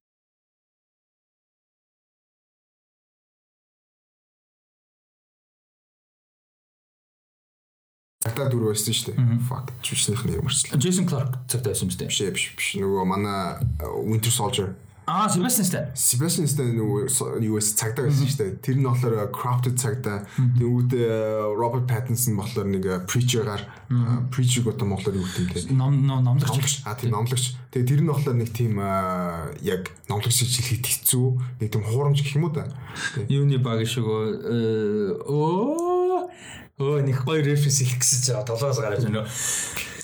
Fucking Daniel Day-Lewis, Paul Thomas Anderson, There Will Be Blood, Paul Dano. Аа, ёо. Paul Dano. Ингэн байсан ч. Аа. Тийм тэгээд манай гол дүр болохоор хин юм шиг Том Холланд юм шиг байна. Тэгээд Том Холландыг тойроод нилээх юм болж байгаа гэж ойлгосон. Тэгээд тэр жижигхэн village village юм уу юу юм. Тэгээд надад болохоор тийм mystery thriller л харагдсан тийм. Трейлерүүд бол би үнийг хэлж юм ойлгоогүй. Миний ойлгосноор it's kind of looked cool. Тэгээд Том Холланд гэхдээ яагаад ч надад тийм Spider-Man-ы дүрээс өөр харагдахгүй байлээ. Тийм. Надад харин бүр айгу нэг тийм санаа зовж исэн юм тэр үс харин гайгүй харагдсан шүү. Акцент акцент тэр нэг хөгийн southern accent accent бол трейлерийн гоё. сүүл рүү тийм эсэ. Гэхдээ трейлер эхлэхэд бол яалчгүй нэг тийм окей гэсэн нэг тийм бодол төрсөн. миний ойлгосноор болохоор энэ нэг юм юу яваад байгаа. Харин оруулж яваад байгаа юм шүү. Тэгээд тэрнээсээ ингээ асуудал гараад яг уу үдэггүйч магадгүй. Тэгтээ а надад бас нэг өөр санагдсан юм нь болохоор ингээ нэр нилийн одоо дээр үед болж байгаа үйл явдлаа штэ. Тийм. Тэгсэн мөртлөө ингээд нөгөө яг тэр дөрүүд нь энэ каст нь угаасаа хийхтэй айгу залууж өгч байгаа даа. Тийм. Тэр нь бас айгу сонирхолтой. Тэгээд яг энэ албан ёсны одоо нөгөө нэг синопсис гэдэг нь шүү дээ. Тэрнээр нь энэ Ohio мужийн Nocum Nocum Stiff гэдэг нэртэй юм жижигхэн юу юм л та тосон юм. А тэгээд тэр тосон тэгээд хажууд нь байдаг юм ой модтой холбоотой ой модон дунд а ийм бүтггүй unholy гэж байгаа байхгүй юу? Юу юм тэр одоо юу бузар гэх юм. За бозар тийм За бозар юм да тий бозар номлогч Роберт Паттинсон тэгээд Twisted Couple гэдэг гэж байна. Тэгэхээр амар яа асуудалтай за асуудалтай л гэдэг. Миний уушин дээр болохоор serial killer гэсэн. Оо за тий serial killer ч юм уу Twisted те. Энэ болохоор official юм байна. Тэгээд энэ дээр болохоор Jason Clarke, Riley Keough хоёр юм л да осоо тийм. А тэгээд Crooked Chef тэгээд цагтаа нас бүтггүй гаргаж таарж байгаа байхгүй. Тэгээд тэрнээс Sebastian А эдгээр болохоор бүгдээрээ Alvin Russell гээд одоо залуу хүн хүүхэдтэй том олон энэний эргэн тойронд асуудал гаргаад тэгээд ер нь бол мань хүн баг А за ингийн утгаар биш гэхдээ ерөнхийдөө эднэртэй тэмцэж таарах юм шиг байна. Тэгээ хаалхан нэг legacy legacy бас яваадах шиг байна. Тэгээ трейлерээс нь харж байхад яг нэг хэсэг дээр надад гэхдээ нэг тийм та нар үзсэн үгүй мэдэхгүй байна. Гэхдээ нэг кино гэдэг байхгүй юу? Аав нь ингээд хүн алаад байдаг. Бурхан нөгөө нэг энжел ирээд тэгээд би ингээ хүмүүсийн син одоо буруу хийсэн юмыг хардаг болцсон гэд нэг тийм алуурчин одоо нөгөө чи одоо юм буруу юм хийсэн тэг алаа тэгээ хоёр хүүхэдтэй нэг жоох хоёр хүүхдэрээ туслуулад байдаг. Нэг тийм кино зүгээр яагаад ч надад зүгээр нэг тийм хальт мэдэрч шүү. Нөгөө том хоолндын аав нь яг аавын дүрт нь дүр нь болохоор нэг тийм vigilante те. Боо гэж мөглөө. Тий, тэгсэн боо гэж мөгөө тэгсэн чинь манаагаар болохоор яг тэр одоо үргэлжлүүлээд те зүг гэж бодсон те хүмүүс бусдад одоо тэр буруу хийж байгаа хүмүүсийг алах хэрэгтэй гэдэг ч юм. Тэг тиймэрхүү vibe яаснаа төрсөн. Гэхдээ яг канон яг ямар ах юм. Яг плот нь ямар ахыг бол яалтчгүй clear бол биш үү те. Тэгээ тэр нь баг зүгээр ч үгүй магадгүй. Зүгээр кастн дээр дэдэ тэргөө суурилж байгаа болохоор. Тэг би Роберт Паттинсныг бас яаж өжиглэх вэ гэж айгүй өндөрлөлээ л те ер нь бол манай тойлетээс хоошоо гарсан кинод би ер нь их үзээгүй байсан. А тэгээд сүүлийн нэг жилийн хугацаанд юу үзлээ? Good Time үзлээ, Lighthouse үзлээ, Netflix-ийн The King үзлээ. Бүгдэн дээр нь бол зүгээр бүр алж байгаа байхгүй. Тэгэхээр одоо King дээр ялангуяа гарч байгаа screen time нь амар бага. Тэгсэн мөртлөө ингээ бүр яг нөгөө тэ нэлээд стил гэдэг байгаа байхгүй нөгөө Тэгээ гол дүр нь маш шал Тимоти Чалам шүү дээ. Тэр Пэс ингээд амар богино скрин тайм ингээд үнэхээр амар жүжиглээд ингээд тийм байгаа. Энэ дээр ч гэсэн бас туслах дүр юм чинь тийм амар их гарахгүй байж магадгүй. Тийм баг. Гэтэ баг гарахтаа бүр ингээ бодоо болгох тийм яг тийм би яг тиймэрхүү юм бас хүлээж байна. За дараагийнх нь болохоор За би нэг бол айгүй зорж оруулсан. Яг эхэндээ зүгээр Netflix-ийн notification-аар харсан л да. Гэхдээ бүр яг үзээд зорж оруулсан юм трейлер байгаа. 8 сарын 26-нд Netflix дээр Rising Phoenix гэдэг нэртэй баримтат кино байгаа. Нэг ангитай цаг 45 минутын. За энэ Rising Phoenix болохоор Paralympics гэж байдаг. Тэгээ бид нар ер нь бол жил болгон зуны олимпиадад давхцаад зуны жилийн үеийн ер нь олимпиадад давхцаад бол Paralympics гэж болдог. Монголоос 2008 онд яг нөгөө Монгол анхны алтан медаль авч бас Паралимпик алтан медаль авч ирсэн тэр бас өөрөө маш том амжилт түүх байсан. А тэгээд Paralympics буюу одоо хөгжлийн бэрхшээлтэй одоо тамирчдын тийм олимпик юм да. За энэний талаар бол а одоо гарах ийм баримтат кино байгаа. Тэгээд энэнийг бол бас үзэх яг яг specifically нэг спорт гэхээсээ илүү зүгээр ер нь паралимпикс өөрөө ямар утга учиртай юу илэрхийлдэг ямар хэм одоо зүйлийг туулж те өдөө хэмжээнд хүрсэн тэрнээс цаашаа ямар хэмжээнд хүрхстэй байгаа гэсэн санааг одоо харах даруулах гаргах байх гэж бодоод яг нэг одоо спортын төрөл гэхээсээ илүү. Тэгээ тэр нь ч зүгээр гэж бодож байна. Те би бол авах хэвээр мэдээлэл үзэх хэвээр юм гэж бодож байна. Те трейлер ч гэсэн юм айгүй inspirational айгүй тийм гоё та спорт ер нь ямар ч спорт үздэг байлаа гэсэн те. Сагсч бай, хөлөн бөхч бай. Энд чинь үгүйс нийлэмжтэй спорт гэдэг. Тэгээ спорт ямар нэг спорт үздэг бол тэр спорт ямар агуу вэ гэдэг бас мэдээлэл үзэж байгаа шүү дээ. Спорт урлаг гэдэг юмнууд чинь нэг тийм амьдралаас салахгүй айгүй чухал зүйл шүү дээ. Энэ бол бас спортын бас нэг айгүй юу чухал байх хэрэгтэй үнцэг Хүмүүс бол нэг энийг нэг зорж үзээд идэг бас зүйл биш. Тэгсэн мөртлөө ингээд амьдрал дээр байдаг эдгээр ч адилхан бас тамирч хүмүүс.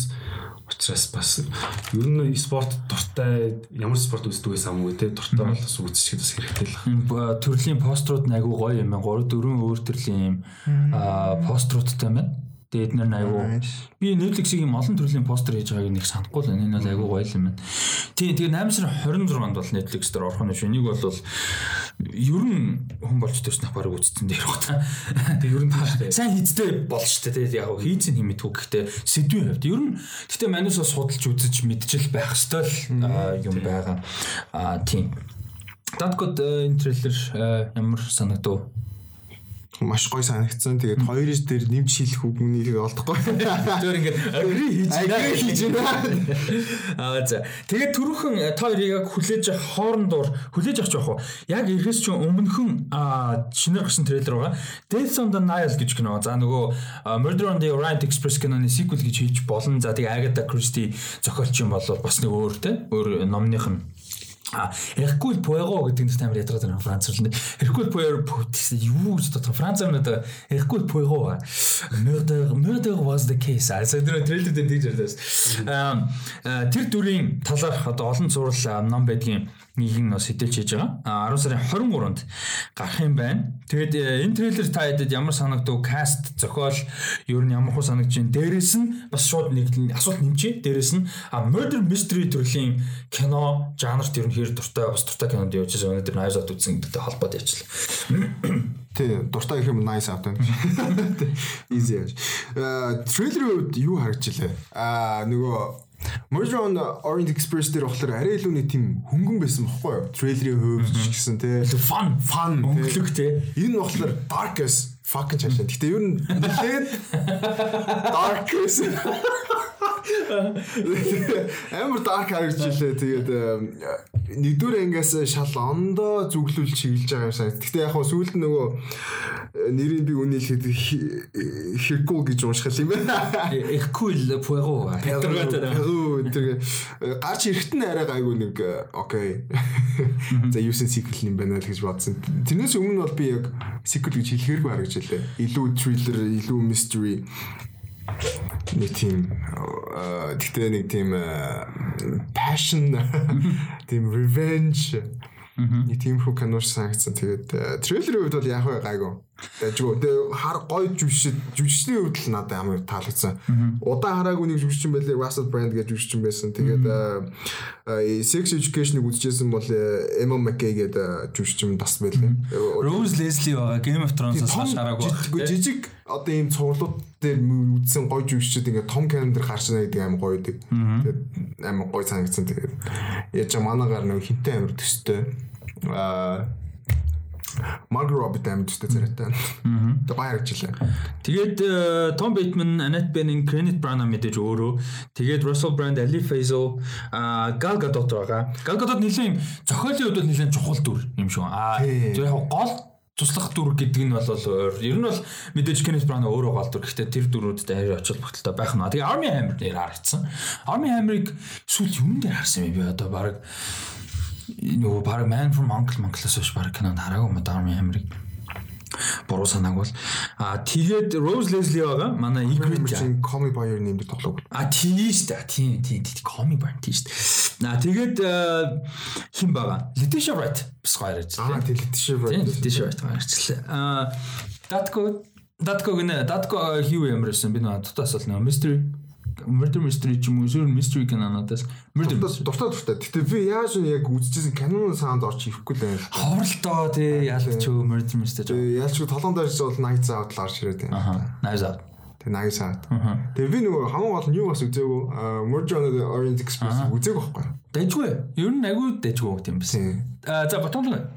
Би ч гэсэн Murder on the Orient Express үзээгүй. Тэгэхээр энэ бол ингээ яг sequel enter гэж үсэн юм мэдээлгүй очоо трейлер үзсэнгүүд надад ихтэй nice out-тай бүр амар адилхан санагдсан. Яг яалчгүй нөгөө нэг murder mystery олон дүртэй гэдэг юм төстэй болгож байгаа. Тэгээ амар адилхан санагдсан. Тэгээд Галиодот бол угаасаа дуртай. Тэгээд тэгээ одоо яг юу мэрч юм бэ? Яг л nice out шиг санагдсан. Тэгээ яг нөгөө тийм амар олон юм ботсонгүй. Nice out гэсэн гэхдээ нэг хөнгөн байт юм уу. Гэтэ энэ зүг надад амар хүн туссан юм ямар сэн dark нөө гэж. Nice out ч нөө тухайн үед гарч Ryan Johnson амар үнэлсэн юм нөгөө original murder mystery яг ингээ оригинал зохиол. А энэ Murder on the Orient Express Death on эдгээр шиг бүгд Agatha Christie-гийн бичсэн зохиолууд. Тэгээ тэрээс сэтүүлж хийж байгаа. А ерөн классик зохиолууд аль хэдийн олон жил байсан. А тэгээд юу болохоор а Kenneth Branagh өөрөө амар Shakespeare-ийн нөхөр тэгээд ийм murder mystery айгу гоё таарчсан надад санагдсан Murder on the Orient Express. Тийм болохоор тэгэд ийм олон мундаг жүжигчд тэгээ нөө дөрүүд нь нэг юм misfit те учир битүүл ян зүрийн дөрүүд эдэн штэ учир битүүл нууцлаа те. Яа заавал murder mystery дэж биш. Тиймэрхүү дөрүүд суурилсан одоо цугласан гой кино хэл би яг яг амар удаан давтаж ярьж байгаа киногоо давтах гэдэг юм л та. Юу? А юу? Bad Times at the El Royale-ийг үзэрэй гэж үзүүлмээр бүр. Айгүй гой киногоо амар гой касттай олон мундаг жүжигчтэй А тэгээд яг яг murder mystery бол биш. А гэхдээ mysteryтэй айгүй олон жив дүртэй бүгд учир бүтүүлэг яах гэдэг юм мэддэхгүй. El Royal гээд нэг юм хоёр мужийн дунд байдаг буудлаа байхгүй юу? Literally хоёр мужийн дунд. Бүр literally хоёр мужийн хилэн дунд ингээ барьсан. Тэгээд тэр буудлал нь хоёр талдаа хуваагдчихсан. Нэг нь тэр муж, нэг нь энэ муж энэ төр. Тийм буудалд нэг шүн бороотой шүн болж байгаа mystery ерөөсөө. Тэгээд амар учир бүтээлэг баг энэр цугулсан. Айгүй гоё кино. Тэгээд хин тоглосон. Drew God биш Drew God найруулсан. А тэгээд Cynthia Erivo А Jeff Bridges, Dakota Johnson, John Hamm хин Chris Hemsworth энэ төр тоглосон юм нэг кино энийг бас санал болгомоор байна. Үзэж байгааг бол үзээрэй. А за гэсэн чинь нэг скрипт маань ачаанж. За тэгээд өнөөдрийн трейлерийн хувьд бол ингээд дуусчин бас 10 хэдэн хоногт нилээд хэдэн трейлер гарсан. Анзаарч байгаа ихэнх нь Netflix байгаа. Тэгээд угаасаа ч өөр аргагүй нь одоогийн байдлаар. А гэхдээ нэг юм анзаарсан бол New Mutants болон Wonder Woman 1984 гэсэн хоёр киноны юу бол идэвхжүүлэлт сошиал медиа маркетинг бол нэлээд идэвхтэй яваад эхэлсэн байгаа. А тэгээ одоогийн байдлаар Америкт за нэлээд олон улсууд бас Монголд бол 8 сарын 28-нд New Mutants New Mutants New Mutants бол гарна гэсэн хуваартай хിവэрэ байгаад байгаа яг одоогор. А тэгээд нэг өөрчлөгдөхгүй шинжтэй байна. Одоо бол нэг 8 9 хоног л үлдлээ. Тийм учраас баг өөрчлөгдөхгүй байж байгаад гарах бах гэсэн бодолтой байна. А тэгээд дээрэс нь юу вэ? Үргэлжлүүлээ шууд Монголд кино релиз дэйтүүд ерөнхийдөө ямар байгаа, ямар кинонууд хизээ байх төлөвтэй байгаа гэдүүлээ шууд ярилцъя. Яг тэгэхээр одоо нөгөө агүй олон кино хойшилж байгаа, агүй олон кино хойшилж явж явж байгаа сүлдээ бүр театрт ч нэхгүй шууд видео дэмэнд орж байгаа кино. Тэрний зарим нэг кино дурддах хоног дэр. За тэгээд Монголын аль бисний релиз дэйтийг хэдүүл товчхон яриа. За яг өнөөдрийн байдлаар энэ бол өөрчлөгдөх магадлалтай. Яг өнөөдрийн байдлаар бол 8 сарын 28-нд The New Mutants гарах одоо бол төлөвтэй хിവэрэ байна. А дээрэс нь 9 сарын 4-нд Мулан байгаа дараагийн 7 хоногт. За тэрний дараагийн 7 хоногт The Kingsman байгаа маань Kingsman. Тэгээ одоо The Kingsman гэх кино нэгдүгээр таны үед гарч байгаа. Аа тэгээд тэрний дараа бол Red Shoes and the Seven Dwarfs гэх энэ яг хүүхдийн юм CGI animation байгаа юм байна. За одоогийн байдлаар бол яг иймэрхүү аа төлөвт аа биш sorry биш дунд нь Tenet-ийг алгасан юм шүү. 9 сарын 11-нд Tenet ба. Энэ бол хуваартай байна. А энэ дундаас Mulan, Tenet, The Kingsman 3 кино 3 7 хоног дараалаад гуруула IMAX юм байна. А Mulan болохоор IMAX 3D бол гарах ийм бол хуваартай байна. А тэгээд Red Shoes and the Seven Dwarfs 9 сарын 25 тэрний дараагийн 7 хоногт 10 сарын эхний 7 хоногт 10 сарын 2-нд Wonder Woman IMAX 3D бас байгаа юм байна. Яг одоогийн байдлаар бол ингээд 8 сарын 28-наас эхлээд Wonder Woman гартлал 7 хоног болно шинэ кино. За яг нэг хүүхдийн нэг тийм жижиг анимашн нөө. Тэр их тооцол ер нь бол баг том кино байнгын юм бол байгаа бай. Тэгэхээр хэдүүлээ бол шууд утгаараа өстө жинхэнэ back to the cinema болох нь тэ week to week to week to week аа өстө жинхэнэ болох нь. Яа finally тэрийг бол үнэхээр санаж ин тэр experience яг сая King Kong үзсэн өөр юу үзлээ би чам. А ит үзсэн айгуу гоё байсан. А гэхдээ шин кино те ингэж үзэх experience бол бас гоё байна. Тэг Candyman бол гарна гэж байгаа 10 сарын 26-нд. За тэгээд 11 сарын 6-нд Black Widow байгаа. 11 сарын 20-нд No Time to Die IMAX-аар байгаа. А 11 сарын 27-нд Soul. За тэгээд 11 11 12 сарын 11-нд Free Guy. За тэгээ амар гоё мэдээд болоход би энэ листийг одоо хараад бүр ингээ хамгийн баярсан юм. Бус нь ойлгомжтой учраас хамгийн баярсан мэдээ бол энэ оны 12 сарын 18-нд IMAX-аар дүн гарахаар болсон. За энэ бол бүр ингээ миний хувьд бол ямар ч байсан хамгийн гоё мэдээ бол байсан. Үгүйс энэ жилийн хамгийн том хүлээлт байсан л та. Тийм яг нөгөө хэд нь бол жоохон ойлгомжтой шүү дээ. За Eternals байлаа гэхэд Black Widow ч юм уу No Time to Die гархан тодорхой. Тэг амар тэнд ч юм уу. Яг гоо French Dispatch бол үзмээр үзмээр л. French Dispatch тэгээд нөгөө миний бүр амар удаа яриад сүүлд бүр хойш Edgar Wright-ийн Last Night-ийн Soho байсан болохгүй байхгүй тий. Ани Taylor Joy-ийн өрөө. Аа хин Томас Маккензи яар те. Тэр байсан бол гоё хасан. За энэ оны хувьд ерөнхийдөө юм а гэхдээ дундуур нь бас одоо жижиг кинод байна л да. Deep Water гэж кино байна. Cruise 2 бас байгаа юм байна иймэрхүү. Cruise 2 гарч байгаа. Тийм бүр энэ онд бүр хийгдэ дууссан одоо 12 сар. Cruise 2 техник нэг амар. Трейлер энэ гарсан юм. Мэдгүй. Би Cruise-ийг ерөөсөө сандвч би үзсэн тэгээ юу сандв. Би санаж байна. Би Cruise шүү дээ. Frozen-ийн оронд Оскар авах хэрэгтэй байсан.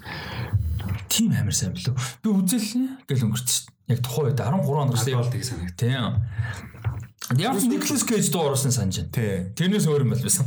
А нэг Bruce өөр хөө. нэг амтан байдаг те. Нэг амар хөөрхөн амтан бэнтэн байгаа те. Нохоочлын бичлэг нэг амтан байгаад байдаг. Аа Би нэг тийм аа ер нь тэгээд анимашн хийж амтан аа. Тиймэрхүү юм санаж. За тэгээд юу яв? А нэгэнт релиз дэйт ярьсан учраас дараа жилийн эхний хэдэн сарын бас апдейтед релиз дэйтүүдийг одоогийн мэтлэр бас харчих. Та хоёроос энэ дээр сэтгэлээ олж яриа. А 1 сарын 15 Mortal Kombat байгаа маань энэ амар надад сонирхолтой санагдчих. Бүр ямар ч мэдээлэл юу ч байхгүй production л яг хавар явагдаж байгаа гэж ярьжсэн. Гэхдээ одоо юу болж байгаа мэддэхгүй. Гэхдээ 1 сарын 15-нд бол Mortal Kombat. Ер нь гэхдээ кастинг ер нь л тодорхойлол болол болол яваалцсан шүү дээ. Гэхдээ нэг тийм амар би movie мэдээлэл шиг яваадс те санаж байна уу? Ер нь л амар яг хоо Жо Теслим мэслим байгаа л да уулын гоё каст. Гэхдээ л нэг тийм Гоё их юм бол гоё гэхдээ мэдэхгүй зөв байна. амар сайн акшн кино усал гэж би боддог байхгүй. Нөгөө Mortal. Kombat гэх нөгөө mythology юм юм руугаа дэндүү орохгүй. Яг оруулалтаа гэхдээ дэндүү тэгж ороод байна. Underworld яадаг ийм тэмцээн мэт. Тэгэхээс илүү зүгээр амар гоё акшн те. Тэгвэл Би бол Mortal Kombat ингэж хүү гэж яаж. Одоо ингээд ямар нэгэн одоо нэг иймэрхүү те тоглоом болгон сэтгүүлдэг ч юм уу. Кино хийхээрээ үндсэн сторигоос ингээд заавал өөр юм их гэж хитрхи хичээгээд тэг бүр ингээд яг тухайн киноныхан ингээд үйл явдал тэр сторийн бүр шаал утгагүй дэндүү ингээд бүр хүн дали тиймэрхүү нэлээд хэдэн жишээ бас харчлаа л да. Тэгэхээр Mortal Kombat-аас тийм биш байгаасаа гэж найд. Тэ нөгөө sequel микл хийх гээл нэг world setup хийх гээл те. Бас надад бас тэгж болж зүгээр э, юу заавалчгүй бүх одоо дүрийн background ч юм уу нэг бол нөгөө team байх шаардлагагүй л ч байна. Зүгээр яг tournament болно. Гэхдээ тэнцээ хин хин байна. Яа дараа нь sequel гарвал тэрэн дээр тэгэл илүү develop хийж болж байгаа байхгүй.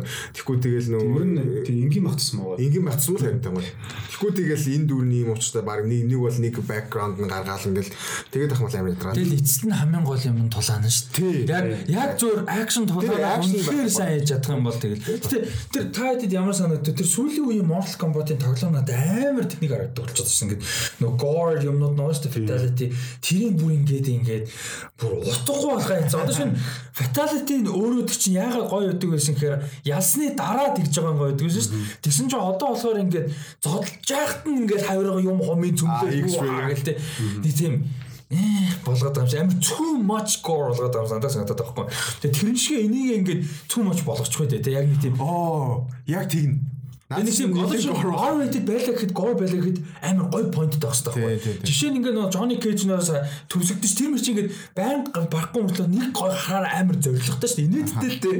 Татаж инээд а гэхдээ бас амар том зорилт. Горо барахгүй байгаа учраас тэгээ ганц барж байгаа гэх нэг тэр шиг ингээд нэг тийм горн ч гэсэн зоригтой тэгээ ингээд нэг тийм зохиолтой авч холбогдолтой зүгээр нэг учир утгагүй gore биш. Тийм нөгөө сүүл нөгөө нэг анимашн гарсан шүү дээ. Нөгөө Scorpion тийм тэр зүгээр gore байсан байхгүй. Тэгээ тэр бүр амар утгагүй тэгээд ийм хийжсэн бол хийгүн дээр л гэж бод. Хэрвээ яг канон яг тиймэрхүү яг senseless нэг тийм байвал Нэг тэгтэй. сонир л болох байсан. нэр сайн болохгүй. Яг тэр тэгэхээр яаж ч хүлээж юм зүгээр акшн гоё байсан. Зодоонууд нь. Ба- зодоон гоё энтертейнинг байхад л fine. Тэгэл болохгүй. Яг Одоо ингээд миний түрүүний ярьдагтай ингээд бүр амар шал дали стори гээл ингээл ингээ амар одоо саяны хиний хэлдэг шиг растыг хэлдэг шиг ингээ амар янз бүр байхасаа илүү хүмүүс бол эн чинь Mortal Kombat угаасаа хүмүүс мэдж байгаа. А дээд хүмүүс чинь дөрүүдтэй аягүй хайртай байхгүй. Тэгэхээр тэр дөрүүдийг нь гой гаргаал ингээл гой байчаад ингээд нэг тийм заавал бүр амар тийм сүртэй ингээл гор цуснууч болоод хаалгүй шүү дээ. Зүгээр хүмүүсээ одоо нэг гой хүлээж байгаа дөрүүдийг гой ингээл гаргаал үзүүлчих дуун болчих байхгүй. За тэгээд э, үлдсэн яг цөөх хэдэн том кинонд дурдах юм бол Eternals мэдээж хойшлоод 2 сарын 12-нд болцсон байгаа. Аа тэгээд Raya and the Last Dragon 3 сарын 12-нд байгаа. Аа Morbius 3 сарын 19-нд байна. Fast and Furious 9 4 сарын 2-нд байна. 9 анги. За тэгээд holy shit би листийг харав. Damn яа 4 сарын 30-нд last night-ын сохоо байна. Оо дээ. Би өөр яг мэдээгүй байж төрөөс nice nice. За тэгээд 5 сарын 7-нд бол Shang-Chi за тэгээд цаашаа ингээд 7 кино Шангчи наа. болоод явах нь байна. Тэр Aquafina-гийнхаа дуу оруулсан кино үзэхэндээ. Aquafina тэр яг тата. Aquafina дуу оруулсан луу гэж бодохоор татах. Зөв төсөөлгөл тэрийг сан. Амар сониолоод тий. Тэ. Тэгээ тэр нь амар гоё. Юник тэгээ өөрөө амар инээдтэй болохоор тэр нь өөр амар гоё. Тэр нэг тийм тэгээд нэг аниме анимед луун тэгэж болдгоо тэгээд. тэгээд чинь мэдээж Акуфиныг өөрийнх нь тэр нэг character байдаг шүү дээ нэг далцгаасан нэг тийм тийм юм байж л таарна шүү дээ тэгвэл нэг тийм луу амар инээдтэй санагдав. Тийм За тэгээд ийм байна. А тэгээд аа нэг мэдээ энэ 7 хоногт бас айгүй том мэдээлэл нэг нэг байсан. Би энийг өстэй яг яг Instagram дээр өөрсдийнхөө постноос харсан. Майк Ди Мартино, Брайан Конецко хоёрын Instagram бүр яг ингэсэн аахгүй. Майк Брайан Конецко story хийсэн. Тэгээд би нөгөө story-д дандаа үздэг байхгүй. Энд чинь нөгөө мань хүн аватар аватартай холбоотой амар гоё скетч мэж байнга оруулдаг.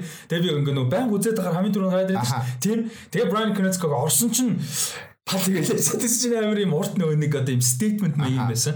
А тэгээд тэрэн дээр болохоор ингээд айгүй ер нь нэлээд шулуун ярьсан байсан. Яасан бэхээр ингээд бит хоёрын хувьд бол те майк битэрийн хувьд аватар болон аватарын ертөнц бол ингээд амьдралаас салшгүй холбоотой те ийм амар гоё ертөнцөө. А тэгээд Netflix-тэй хамтарч ажиллаад те ингээд анх зарлж байхад бол Netflix бид нарыг тэгээ бүх талаас нь байж болохоор хамгийн сайн суппорт хийж те энэ бүхнийг яг оригиналаар нь яг creatively зөв талаас нь ингэж бол үдэгчтэй хүргэнэ те live action-аар хүргэнэ гэж public statement хийж publicly дэмжсэн боловч яг behind the scenes бол сүүлийн 2 жилийн хугацаанд тэгээ аюу toxic working environment дээрээс нь хэлсэндээ хүрсэн тийм дэмжлэгтэй нөхцөл бол байгаагүй. Тэрийг хэлэхэд бол харамсалтай. Байна а тэгээ үргэлжлүүлээд болвол энэ хугацаанд бол цаашаа үлдсэн хүмүүс л ажиллана. Маш олон хүмүүс ажиллана энэ хугацаанд танилцсан маш олон одоо авиастай уран бүтээлчид бол бид хоёртой хамтарч ажилласан энэ хугацаанд тэр хүмүүсээс цаашаа үргэлжлээд давж яваад сайн уран бүтээлийн нийтлэлд итгэлтэй байна. А гэхдээ анхааруулж хэлэхэд ямар ч уран бүтээл эцсийн бүтээл гарсан сайн ч юм уу ч бид хоёрын creative vision бол биш гэдгийг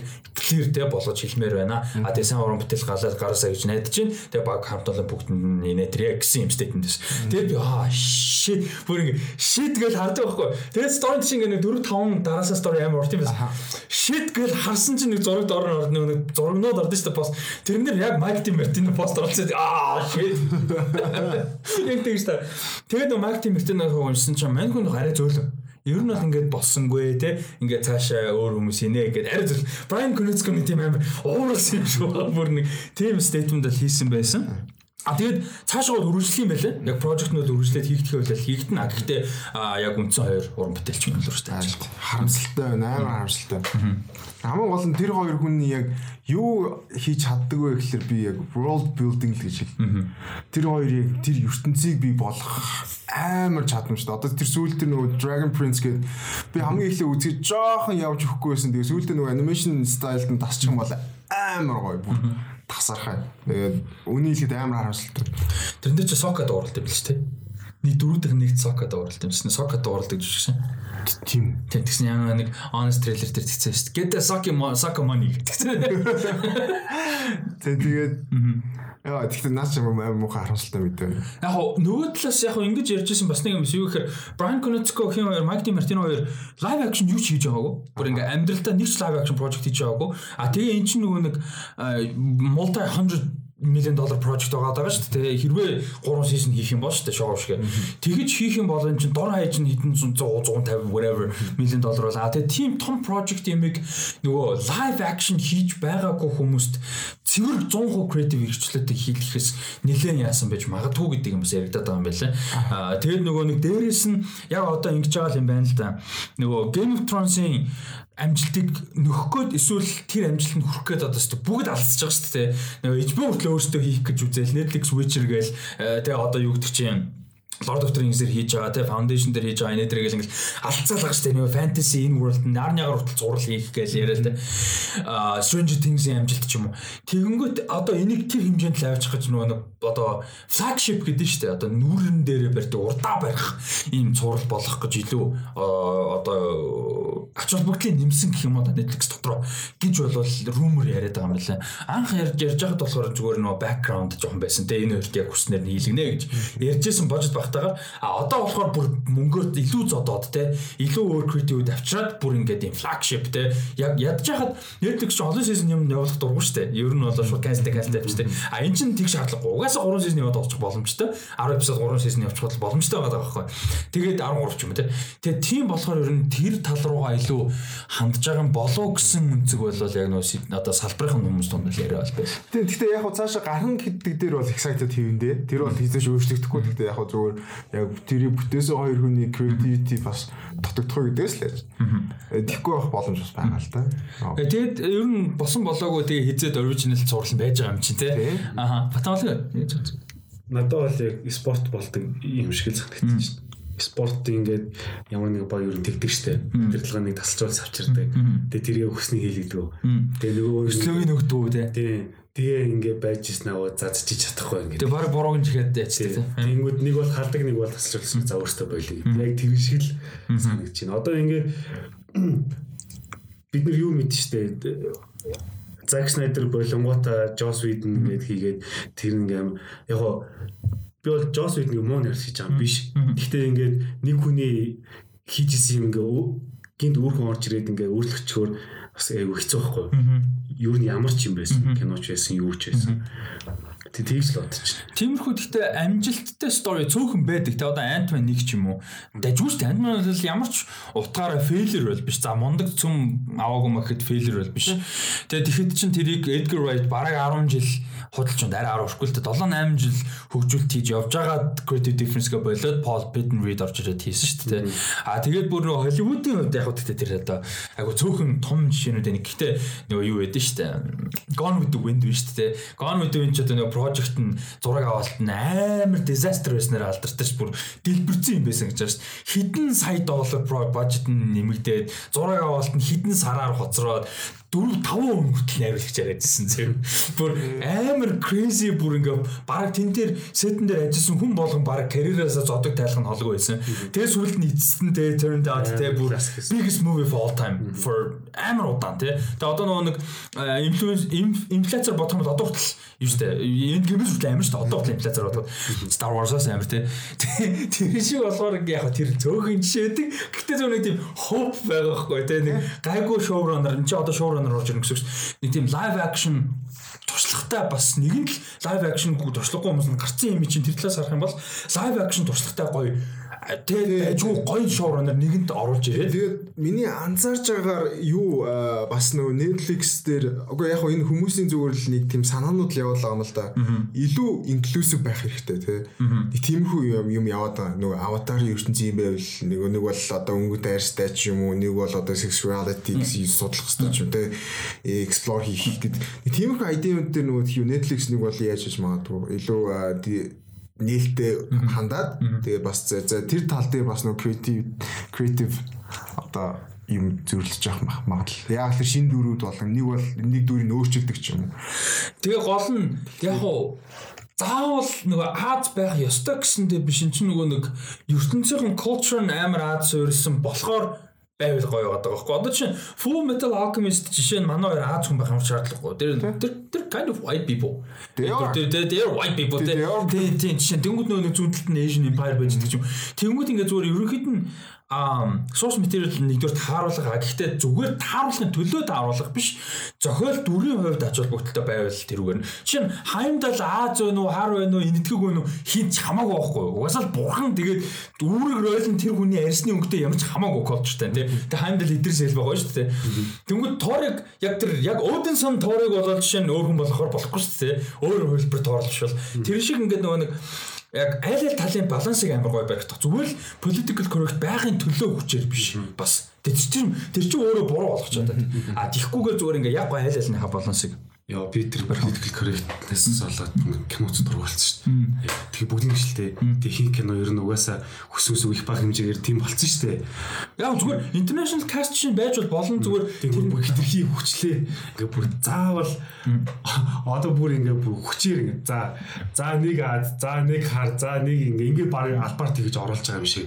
Тэрнээс бүр үн залхдаг болсон. Яа international cast байгаад тэр нь гэхдээ зүгээр зорилго дүр зохиол юмдаа нөл одоо юу гэдэг хүчээр биш л байхад тэгэл болчих واخгүй. А тэгээ тийм биш үед аль болох diverse байх нь чухал байгаа даахгүй. Тэг чи ингээд тийм баланс байгаа даахгүй. Ер нь бол Одоо чинь Jumanji 2 гэхэд Asian cast байгаа нь зөв байхгүй юу? А гэхдээ хүчээр оруулсан гэхээсээ илүү хиний дүр амар гоё, Aquafina-ийн дүр амар гоё байгаа даа амар фан тэнэг дүр байгаа. Тэгээ тэр нь таарж байгаа. А гэхдээ таарж байгаас гадна тодорхой хэмжээний зорилготой хүрж байгаа. Яг яг тэр балансыг амар зөв болох хэрэгтэй байгаа. Ер нь байх нь чухал, diverse байх нь чухал. А гэхдээ тэр нь өөрөө зорилготой зохиол найруулга дүрийн хувьд зохиол яв таарах хэвээр. Тэгэхгүй бол хүчлэгээр амар тэнийг адилгүй нэг бол бас байхгүй байх чинь өөрөө амар том асуудалтай байгаад байгаа байхгүй. White Guy нэрстэй Asian дүр тоглоод байвал тийм юм гарсан шүү дээ. Яг нөгөө юу илээ нэг Hawaii Mawaiтай кино гарсан шүү дээ. Emma Stone ч нөгөө Hawaii эмэгтэйгийн дүр тоглолцсон шал бүр fucking hell те. Тэр юм чинь амар тэнэг байхгүй бас тэгээд тэр бол тэнэг. Тий. Тэгээд чи Emma Stone ч тэр нөгөө ерөөс ярьдгүй дээ ингээ нөгөө нэг карьерийнх нь нөгөө юм хар цэгүүдийн нэг ингээ ингээ үүр нууцсан тий. Нөгөө нэг тэрийг дурдангууд ингээ sorry гэдэг. Um За энэ бол юм байна. Дараа нь болохоор Lulu Wang байгаа тэ нөгөө нэг The Farewell кино нэрс Aquafina гэснээс. А тэгээд The Farewell кино нэрс Lulu Wang шинэ кино айгүй олон прожектээр ажиллаж байгаа. Тэгээд шинээр нэмэгдэж байгаа прожектын нэг нь Японы нэлээд алдартай бас мундаг уран бүтээлчдийн нэг Hirokazu Koreeda гэдэг уран бүтээлч байдаг. За тэгээд яг би өнөөдөр бодож байсан бат амлан өмнө Hirokazu Koreeda-ийн айгүй олон киног үзчихсэн гэдэг. Like Father Like Son гэх кино байдаг. А тэр киног бол Америк хөлбөрт оруулж remake хийхээр болж байгаа юм байна. Тэгээд Батоноос асуусан Еркосо Коредагийн нэг энэ Like Father Like Son-ыг үзсэн үү? Дээрээс нь The Farewell-ыг үзсэн үү?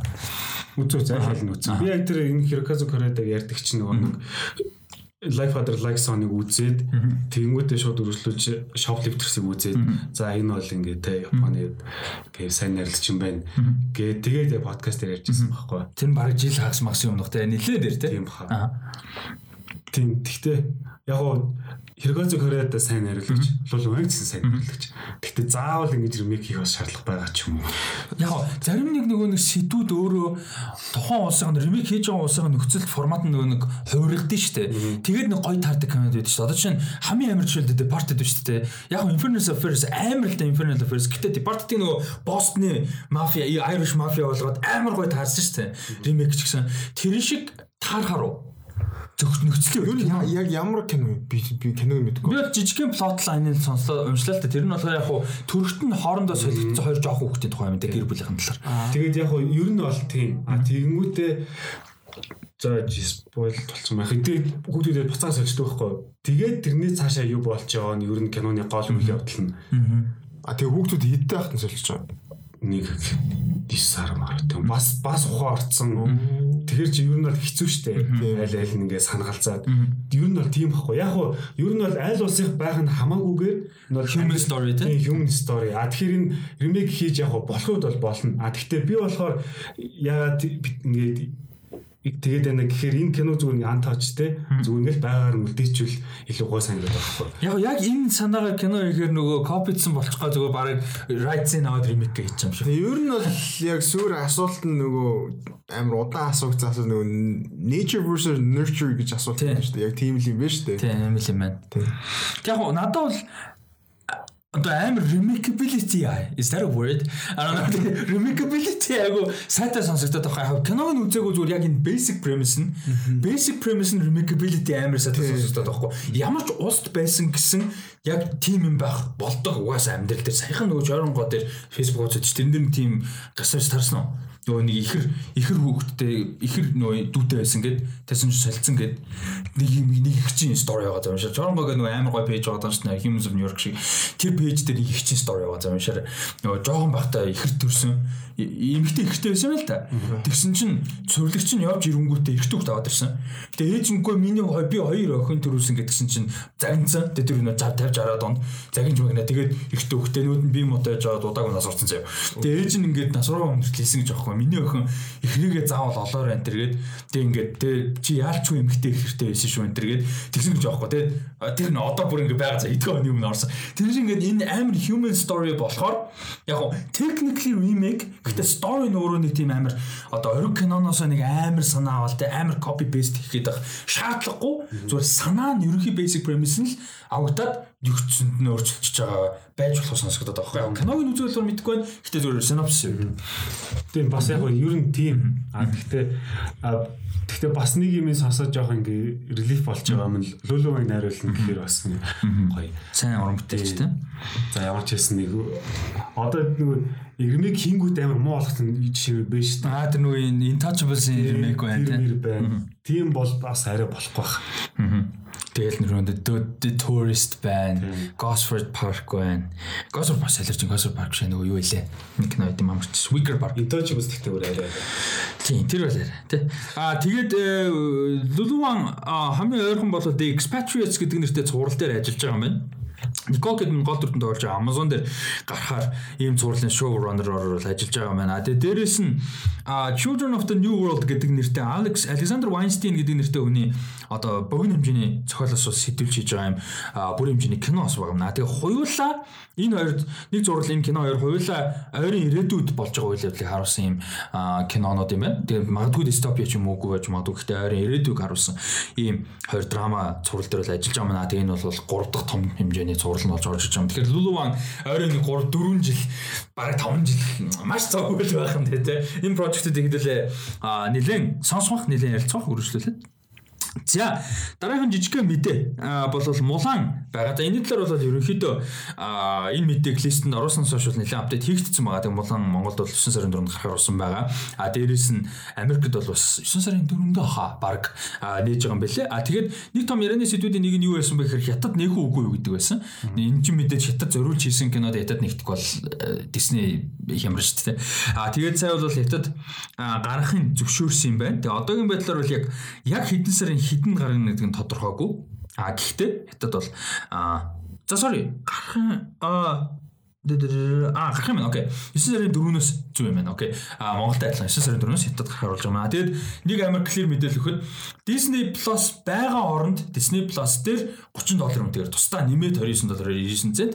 Аа Disney Plus байхгүй орнуудад театр хэрвээ ажиллаж байгаа бол а 9 сарын 4-өөс 9 сарын 11 гэх мэт өдрүүдэд нээлттэй хийх ийм Аа тэгтээ бол байгаа юм байна. Тэгээ нэг амар инээдтэй бид нарын биднэрт хүрдэггүй юм юу вэ гэхвэл хиттийн сошиал медиа тий. Бид нар бол Facebook дээр за гадаад Монгол ихэнх юм харцдаг Twitter ч юм Instagram тий. Аа хятад дотор гойж байгаа нэг юм мэддэггүй шүү дээ. А тэр чинь амар инээдтэй юм л да. Weibo дээр бөө юм болжээ. Яасан гэсэн чинь хятад постерын зарлагдсан юм байна л да энэ. Одоо манай үзэгчд бол яг Chinese poster гэвэл олдох бах мулааны. Хятад постерын зарлагдсан юм. Тэгсэн чинь хятад бөө юм болж байгаа нэг нөхдөд чи. Ийм амар аргуу постэр яагаад Disney хийж вэ? Тэгээ ингээд яг гоо ингээ харахад нэг сүртэйсэн чинь хятад энэ фонт монт амар хөгийн basic юм байна л да. Менежмент ганц боо. Одоо чинь менежмент чинь Монгол постерүүд Times New Roman баг Arial Mariel гусч байгаа тэл ялгаагүй юм байна л да. Амар хөгийн постэр гинэ. Нөгөө нэг одоо фонт монт нь.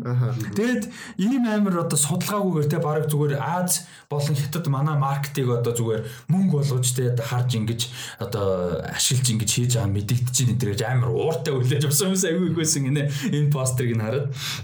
Дөө ер нь бол. Тийм тийм is this for real meal гэж ütсэн гинэ тиймэрхүү юм шиг манайстас хүрдэггүй юм сонирхолтой өнцөг бас гарсан маань. Тэгээд тэнийг тун зах зээл дээр одоо тийм хин чин Liu Yufei гэж жүжигчин чинь Weibo дээр хэдэн зуун сая фолловертай гинөө тэр нөгөө нэг манайч одоо нэг глобал хамгийн их дагагчтай гэж Кристиано Роналдо мал ярьдэн шүү дээ.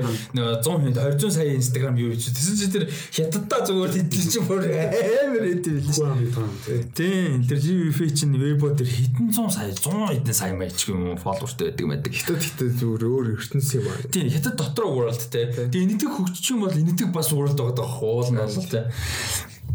За энэ дээр нэг иймэрхүү байна. Тэгээ Мулан дээр ер нь зүгээр хайпер байна. Би бол IMAX дээр үзүүл айгу гоё авах гэж бодоод байна. IMAX дээр хэлчихсэн нөгөө юм энэ чинь амар тийм акшн фэнтези акшн кино болох гэдэг юм байна шүү дээ. Тэгээ зүгээр тэр аспект надад авсан. Мөшөө байхгүй гэснэ гинт Witch энэ гарч ирж мөрөө. Тийм байсан. Тэр амар жоо хүлээлт байхгүй. Надад бол зүгээр том дэлгэцээр үзээд айгу гоё акшн байхгүй. Би Disney-ийн юм удаас залхацсан шүү дээ. Сторийн өөр байсан ч гэсэн Надад бол тэр нөгөө нэг юу мань аягаар анхны трейлер ялангуяа бүр амар colorful. Тэгээд production design зураг олсон бүр амар cool харагдчихсан. Нэг тийм нөгөө нэг яг тэр нөгөө нэг хятад түүх судалдаг да бас хятад мэддүүгээ мэддэг хүмүүсээ жоохон шүмжсэн юм байлээ л дээ. Нөгөө хятадын ийм үеийг одоо харуулж исэн. Тэг мулааны домог болвол те. Шүлэг бол өөрөө одоо ямар ч юмдээ нэг үеийг л харуулт юм байл та. Тэгсэн чинь одоо энэ киноныхан трейлерээс харж байхад бол гарч байгаа одоо нөхцөлөл хувцлалт юм нь арай өөр үеих байгаад байна энэ гэсэн бас ярьсан бэлээ. А тэгээд яг би мэдэхгүй учраас надад яг байгаа нь бол айгуугүй харагдсан. Айгуугүй л. Аа тийм байна. За дараагийнх нь болохоор жижигхэн мэдээ бас нөгөө Датко дээр подкаст дээр ярьжсэн Жанел Моне тоглосон Antebellum гэх киноны трейлерыг анх ярьжсэн. Айгуу ийгүү нөгөө нэг Jordan Peele продюсер ажиллаж байгаа. Нэг тийм кул кино харагдчихсан. Аа тэгээд нэг тийм орчин үе дээр үе хоёрыг ингээд зэрэгцэлтэй нэг dimension давхцаж махцаал. Тэгээд нэг тийм харагдчихсан айгу кул харагдчихсан. Тэгээд тэр кино нэлээд олон удаа сайн нөгөө COVID-19 хойш хойш явж явж явж байгаад а 9 сарын 18-нд Premium on Demand гараар очиж байгаа юм. Өөрөөр хэлбэл одоо iTunes дээр ч юм Amazon дээр худалдаж аваад үзэх боломжтойгоор бол орохоор болсон байх шүү. За энэ бол зүгээр юм мэдээ байна. А дараагийнх нь энэ аягүй сонирхолтой мэдээ. А Ben Affleck Paramount Studio дээр шинэ кино найруулах оруулж байгаа юм. Live by Night-аас бол хойшоо Ben Affleck найруулагчаар ажиллаагүй байгаа. Тэгээд ер нь Live by Night баг ганц муу кино нөх найруулагч ажилласан. Gone Baby Gone, The Town, Argo кинонууд бол бүгдээрээ одоо маш сайнаас masterpiece хүртэлх ийм level дундах кинонууд байдаг. А Live by Night бол яхаа жоохон таархан гэж хэлж болох байх. Ийм бол байсан. Тэгээд Paramount дээр бол шинэ кино хийх чад. Энэ бол гэхдээ жанрын жоохон өөр триллер биш илүү драма талтай. А тэгэд айгу сонирхолтой сэдвтэй байгаа. Роман Поланскигийн Chinatown гэх кино байдаг. Нэлээд алдартай. А яг бид нар бол яг шудраг хэлэхэд бол үзэж өсөөгөө худлаа ярихгүй. А гэхдээ Rosemary's Baby энтриг бол бол мэдэх бах. Тийм Холливуудтай бол энэ Chinatown дэ American culture-д бол амар их одоо хүчтэй ингэж орж ирсэн тогтсон юм алдартай. А кинонд нэг Jack Nicholson, Faye Dunaway хоёр тоглосон. Faye Dunaway нөгөө La La Land-ийг буруу хилдэг одоо настай жүжигч шүү дээ. Тэ нөгөө La Land гэдэг. А хөрх юм. А энэ тоглосон юм кино бол байдаг. А тэгэд энэ киноны зураг бол set production айгүй алдартай юм байна л да. Бөөн асуудлууд гарч исэн. Айгүй ихэн болж исэн тэрүүрэл алдартай юм байна л да. А тэгэд тэрнийх нь талаар кино хийж байгаа юм. Би нэг айгүй сонирхлыг тэр set production талаар. Өөрөөр хэлбэл одоо юу ч юм дэ нөгөө нэг нөгөө нэг дөрвөмийн тухай киноч билээ. Нөгөө Джеймс Франкогийн Disaster disaster. Тийм disaster artist ч юм уу те тиймэрхүү одоо яг disaster artist on comedy л гэхдээ тиймэрхүү vibeтай ер нь production-ийн тухай ийм кинос хийж байгаа юм байна сонирхолтой. Тий, тэгээд та хэд Ben Affleck-ийн кинонд бүгдийг ер нь хий аль алийг үдчихсэн аль нь дуртай байна? Найруулсан кино. Би Live by Night-аас бусдыг нь олгоцсон. Аа. Тэр гурваас нь гурван кино ч тийм. Тий. Аа. Тэгээ бүгд гоё шүү дээ. Аа. Яг ч амар л тийм би зөвхөн аргог л үз бусд нь үл үзэх. Аа за тэгвэл The Town-ыг үзэрэй гэж зүйлмээр Gone Baby Gone-ыг бас үзэрэй. Casey Affleck голдор тоглолдог амар сайн кино байгаа. Gone Baby Gone Gone үзсэн.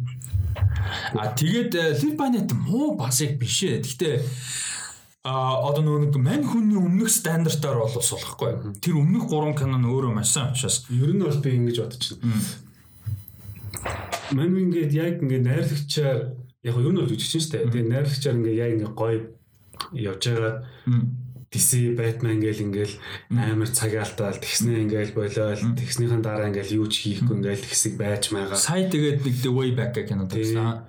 Тэгээд тэгээгүй зүгээр одоо өмнөхтэй яг хийсэн мөрлөг явж исэн бол гой байх байсан ер нь. Мань хүний тэтэ уул нь ID нь мань хүн Batman-ыг найруулах байсан шүү дээ. Тэр тэр нь болохоор тийм миний сайн нийлээд одоо тэг өршлүүлээд одоо нарилжийн карьер жүжигчний карьер ч чал өөр шүү дээ. Тэгэхээр ингээ нарилжийн карьераа ингээ цаашаа ингээ явуулж байгаа тийм гоё чанартай кинонд хийсэн бол гэж бодоод одоо буцаад тийм рүү зам руугаа орж байгаа юм шиг байна. Тийм болохоор бас баяртай л байна. Тэгээ мань хүн нөгөө нэг Matt Damon-тай хамт кино тоглож байсан Ridley Scott-ийн найруулсан найруулж байгаа. Энэ жил гарах байж байгаа дараа жил руу хойшсон The Last Duel гэдэг том кино байгаа шүү дээ. А биш дүү. Манайч бас андаад байсан. Тийм манайч бүр байгаа нэ. Гэтэ тэр хоёр нөгөө юг худалдаж авлаа нөгөө юугаар Макдоналдсын Макдоналдс гэж солиорч байна. Тийм лөө. Тэр нөгөө лотри нөгөө А тийм тийм нөгөө нэг ским ским ским харин тэрний эрхийг энэ хоёр авсан баха. Энэ хоёр авсан. Тэр ер нь жоохон таг болчлаа тэр production. Нилээн дээр ярьж байсан шүү дээ. Тэрний нийтлэлийн нэр би сэрэлж амартсан ба шүү дээ. Амар урт exposition нийтлэл. Тэгээд энэ project болохоор яг уу the last duel Matt Damon, Adam Driver, Ben Affleck энэ төр тоглосон гоё шүү. Энэ project болохоор бүр амар хойшилсан. Энэ энэ жилийн 12-ны сард байсан ч хойшлоод 21-ний 10 сарын 15-нд хойшилсан байгаа. Тэгээ ер нь бол нэлээд Оскар push зоржил хойшилж байгаа л гэсэн үг л дээ. Ийм бол байгаа. Тэгээ Ben Affleck-ийн а шин project бол. Тэгээ ер нь зүгээр яг би энэ Chinatown-ыг үзчихээг болохоор мэдгүй байна. Ер нь үзнэ гэж боддог нөгөө нэг одоо классик те. Киноны нэгт бол листэн дандаа явж идэг. А тэгээд ямар тач Ben Affleck шинэ кино найруулах гэж байгаа гэдэг зүгээр өөрөө тэр дандаа амар гоё. Тийм. А бас гоё монтаж чаа. Тэгээд удахгүй жүжигчний өөрөө нэг шинэ тийм романтик триллер кино тоглож байгаа. Романс, триллер, драма тийм кино тоглож байгаа. Тэгээд нөгөө дүрд нь Анад Ярмас амьдрал дээр энэ орчин капл болцсон. Тэгээд тэр хоёр хоёулаас нэг тийм каплын дүр тас Одоо энэ мундаг энэ уран бүтээлчийг DC-г зэрүүлж авсандаа баяртай байна. DC-д очиод яагаад ч юу явж байгаа юм бол Gal Gadot илүү юу явж байгаа хэ карьер бол гайг байх. Джейсон Момо. Момо ч тэгээд тэр чи тэгээд Момо өөр биш тэр Акомен ч зүгээр Момо байж тээ. Гэхдээ яг гол асуудал нь болохоор Джейсон Момо ч юм угаасаа тийм амар сайн жүжигч биш байхгүй юу? Тийм шүү дээ. Угаасаа зүгээр яг Момо байхгүй. Ben Affleck-ийн тэр чинь скоп нь бүр шаал уу? Өөр юм юм. Ben Affleck-ийн скоп ер нь DC-д орж исэн жүжигч дундаас хамгийн том одоо нөгөө нэг юу гэдэг юм те критикли те левел юу бол Ben Affleck ялчгүй амар л та. За Jeremy Irons-ыг бас өөр яг Jeremy Irons туслах дүр тэдний гол дүрүүдийг ярих юм болоо. Тэгтээ Jeremy Irons бол годтой. Аа за тэгээд дараа нь энэстэй амар инээдтэй тийм Hollywood Reporter оруулсан постыг хараад байгаа амар инээдтэй зураг нь Netflix-ийн логон дээр шпагат цоцсон. Ванда а Вандамын шинэ кино. Вандамын шинэ кино гэхээс илүү Netflix-ийн шинэ кинонд Вандам тоглохоор болж байгаа юм. Action comedy кино юм байна. А тэгээд France production гоё юм. Ер нь л American production биш. Францад ч үйл явдал нь болно. Франц маш олон жүжигчтэй олон уран бүтээлч продюсер Франц хүмүүс. А Jean-Claude Van Damme-ыг бид нар анзаардаг гэж магадгүй. Мань хүн чинь бэлэг хүн. Өөрөө бид Франц хэл унган хэлүүдийнх нэг гэсэн үг шүү дээ. А тэгээд Jean-Claude Van Damme бол энэ кино болж байгаа. Тэгээд энэ кино нь өөрөө action comedy тэгээд яг тийм 90-ад оны action comedy-нүүд эдэн дээ. Харин би тэрийг амар мисс хийж байна. Тийм тийм vibe дэг энэ кино нөө зурлон ерөөсөө. Nice Rush Hour, you Shanghai Night, юу гэдэг бүр тийм тийм нөө одоо үеийн action кино яг гоё гоё л доо John Wick. Гэхдээ мэдээж зарим уран амьсгал өөр болсон. А энэ болохоор тэг 90-ад оны нэг тийм campy хэтрүүлэлтэй, паналтай, гэхдээ инээдтэй тий stick around гэж үгэлээ нэг тийм action киног бол дахиж авчрах гэсэн юм зорилготой кино гэд аа бол ярьж байгаа киноны гинт үзмээр санагчлаа.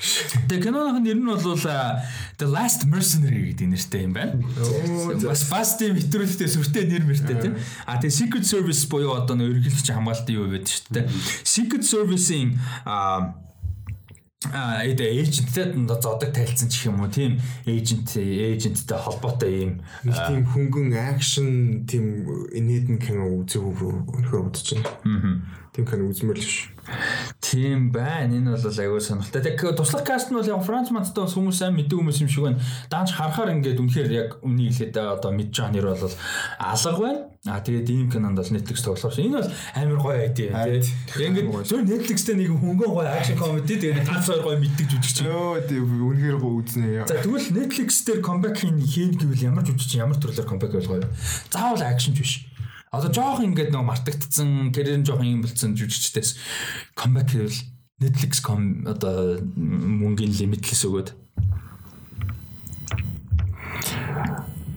Эм Надад бол Jim Carrey comedy байл айгу гой санагдаад. Гэхдээ classic Jim Carrey. Гэхдээ яг одоо үед жоохон дарахгүйж магадгүй. Гэхдээ яг нэг тийм anchor хийхээр одоо жишээ нь юун дээр Bruce Almighty дээр Jennifer Aniston, Steve Carell амар гой anchor хийдэж штэ. Кинон гол дүр манах ч гэсэн туслах дүрд нь гой авч явдсан штэ. Тэгээ хин ч гэсэн Morgan Freeman ч гэсэн тий. Тэр шиг юм нэг юм Jim Carrey гэхдээ амар сайн ингээд дэмжиж явах туслах дүртэй нэг тийм comedy байл надад айгу гой санагд. Наад бол ээж баанатай амар гой thriller кино гоё. Эрик бана бүр таг болц тээ. Хэвээ уул нь их гоё жүжиг. Тэр нэг Эрик бана тогсон нэг цасмастай үйл мөлөдөд трейлер кино ч үлээ. 16 мургаан ятгсан. Нэг байдаг шүү давгүй бас нэг тийм давгүй трейлер кино. Би тэгээ бас Fast Bender-ыг бас нөгөө Frank Enter гэдэг нэг Frank кино нэг бүр weird as fuck кино байдаг шүү дээ. Тиймгүй кино бас татгаар мөр нэг инди тийм Fast Bender бас алга болц тийм. Нэг нэг ингээд нэг явах гал нэг явах гал тэгэл бүтэхгүй дээ. James McAvoy ч гэсэн. Тийм James McAvoy. James McAvoy гэхдээ бас гайгүй.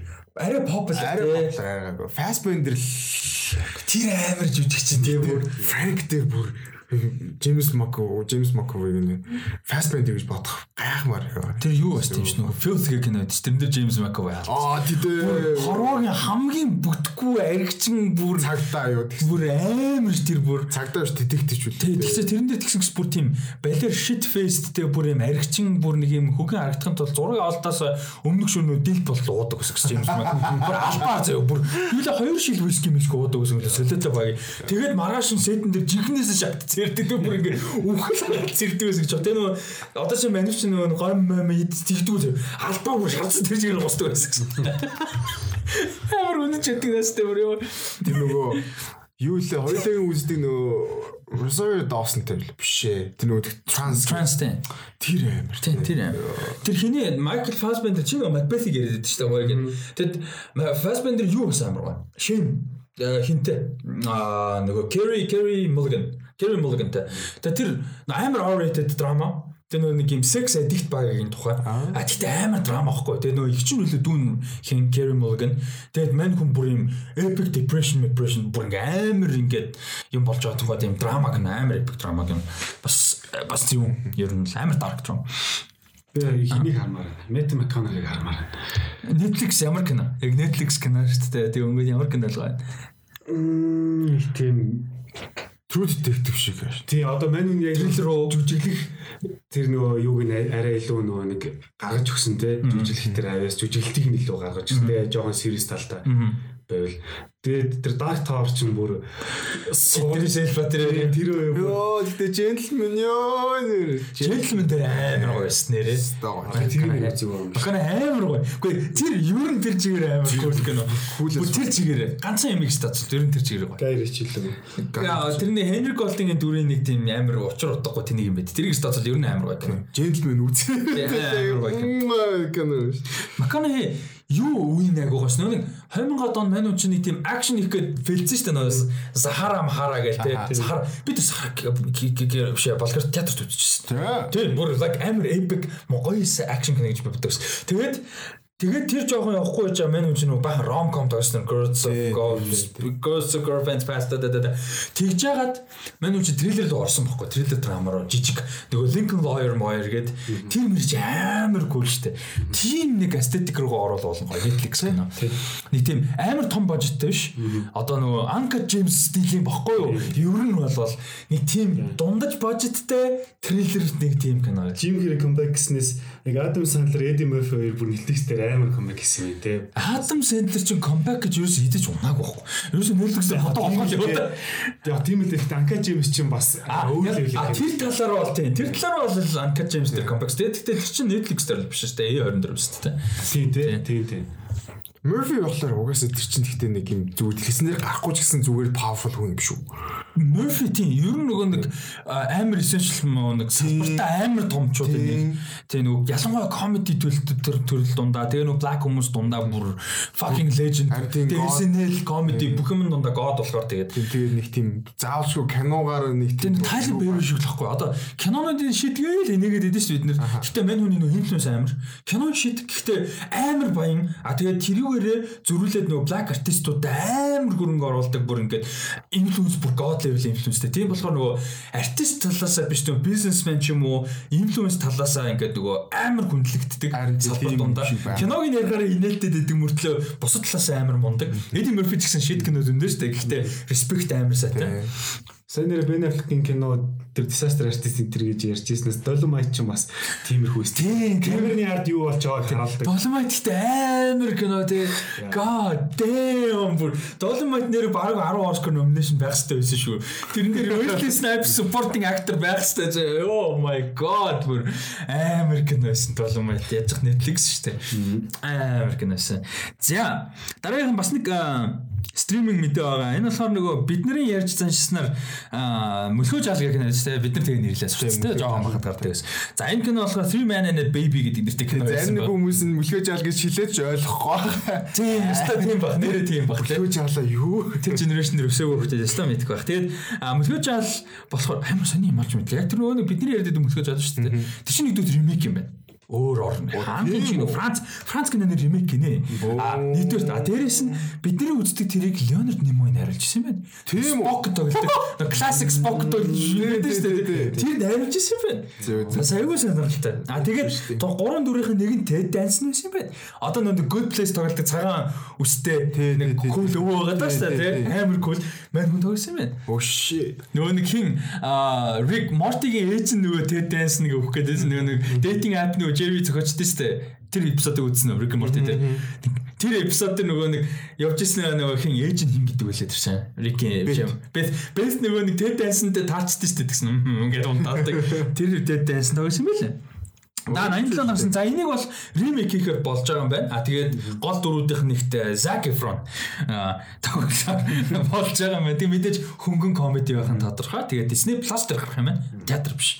Энэ дэр ямар сэтгэлээ? Надад бол амар гоё санагдаж нэг юм Zac Efron комеди дээр гоё байхгүй яг Neighbors, Neighbors нэг тийм яг тэр нөгөө нэг extremely shocking vibe юу юучлээ нөгөө Ted Bundy-гийн тухай тэрийг үзээгүй л дээ. Гэтэ Zac Efron нэг тийм комедид орж ирээ амар гоё байдаг. Надад тэр санагдаад байдаг. Тэгээд энэ дээр бол Хөөч мөлөөж албаш шүү дээ. Three Man and a Baby юу? Тий.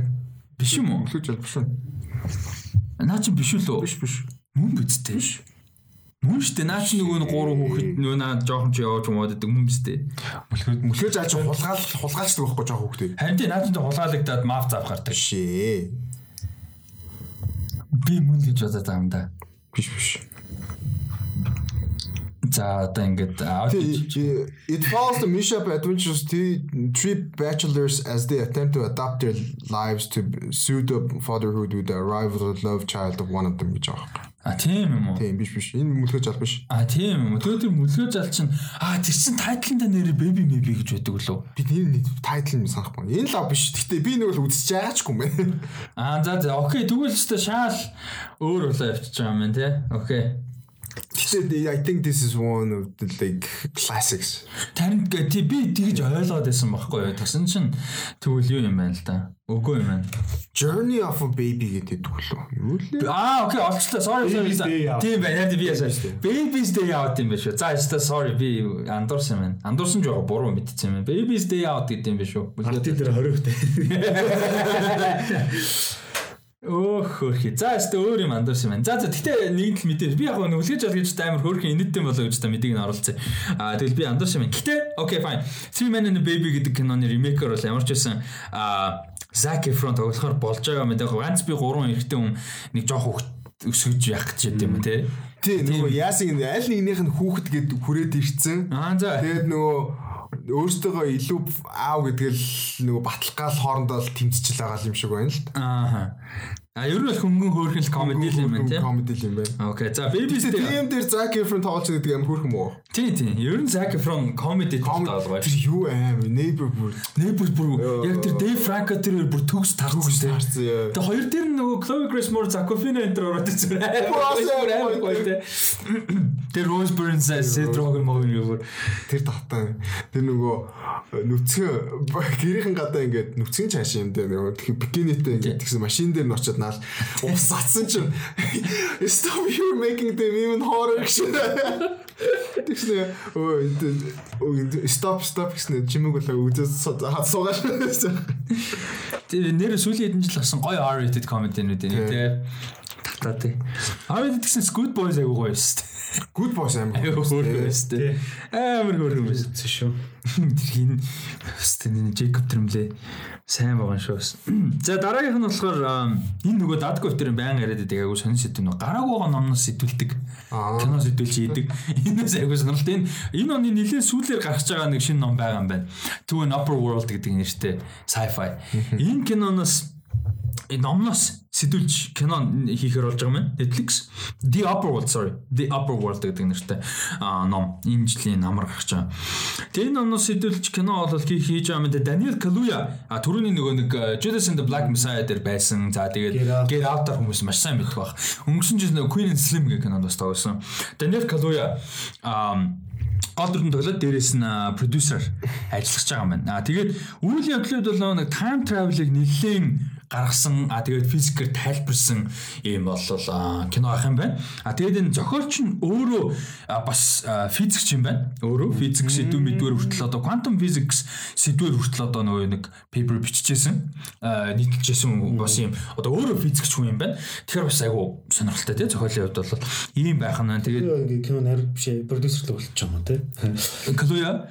Тийм Даниэл Калуя бол энэ дээр продюсераар ямар ч байсан ажиллаж байгаа. Ер нь тэгээд одоо энэ шинээр гарч байгаа залуу юунууд уран бүтээлчд амар хурдан нөгөө одоо салбар донд байгаа павер амар хурдан яадаг болсон байлээ одоо баттгадаг гэх юм одоо байр. Одоо чи Марго Роби ч одоо бүр аль хэдийн одоо дөнгөж өгч усаас тий. Тэгэхэд Марго Роби одоо бүр амар мундаг продюсер болчихсон шүү дээ. Продюсинг компани байгуулсан. Тэр нь одоо бүр амар явж өөрөө гол дүрийн жүжигчнээс Оскар дэвшин жүжигчнээс гадна. Тэгээ ингээд ер нь бол энэ продюсинг компани агүй хаадаг. Одоо өхийн хүртэл продюсинг компани байгуулсан байлаа. Тэгээ би одоо киног нь ч үзэж байгаагүй. Аа биш цувралын Euphoria дээр тоглолдог Sydney Sweeney гэдэг охин ч одоо 20 23 төвштэй. Тэгээ юунд тоглодог байхгүй Sharp Objects дээр тоглодог. Тэгсэн мань хүн producing компани байгуулсан. Тэгээ одоо тэрүүгээрээ бүр ингээд project-уудаа produce хийгээд эхэлсэн байгаа байхгүй. Тэгээ тэр чинь эхний ярилцанд нэг амар сүртэй мөнгө зөнгө олдуулах гэхдээ гол юм power байгаа байхгүй. Тэгээ их мэдл. Тэр чинь зүгээр хүчин бах нөгөөр тэгээ кинон дээрээ ч юм уу зураг дээрээ producer болоод ороод ирэхээр дуу хоолой тэгээ нөлөө шаал өөр болоод эхэлдэг. Тэгээ өөртөө зөв ажиллаад тэгж чадах юм бол амар хэрэгтэй. Ялангуяа Margot Robbie бол би бүр амар producer байна гэж хараад байгаа. Одоо дөнгөж 30 та мөртлөө бүр ингээд producer career амар бид нар жившин талаас нь л хараад байгаа. Тэгээ Даниэл Клой бол ийм дээр ажиллаж байгаа. Тэгээ ямар ч байсан а Netflix дээр хийх юм. Гэтэ энэ бол гараагүй юм дээр сэдвэлчихэр бас амар ихтгэл үлээлэх чинь тий. Тэгэд Батамгалын нилээдэн дурд орог анзаараагүй гэж магадгүй датко тэр яриад амар сонио ийм project бүр зөндөө байгаа. Ганц биш бүр айгүй олон. Ингээд 21 онд гарналэг нь энэ оны намар гарналэг нь те хөвлөгдөөд гараачгүй байгаа бүр эхний драфт дээр скрин нөгөө юу гэдгүүлээ үгээд тэрсээ драфт биш нөгөө манускрипт гэж ярьдэн штэ номны те манускриптэн дээр явж байгаа зохиолыг хүртэл кино болгоод адапт хийж байгаа жишээ нь. Тийм айгүй их байгаад байгаа бас ингээд байгаа юм болоо. Ер нь бол нөгөө санаанууд дусаад ингээл аюух ярьдаг шин. Тэгэхээр ингээд ийм шин санаанууд ер нь бол ихтэй ном дээр гараад Тэгээд тэрийг ингээд адапт хийгээд авахаар илүү амар байгаа юм болов. Дажгүй санаа гээл те. Одоо сая юу ярьжсэн л та? Screen шид ярьжсэн нөгөө би Screen Jungle амар үзээгүй удаж сая хоёр видео үз.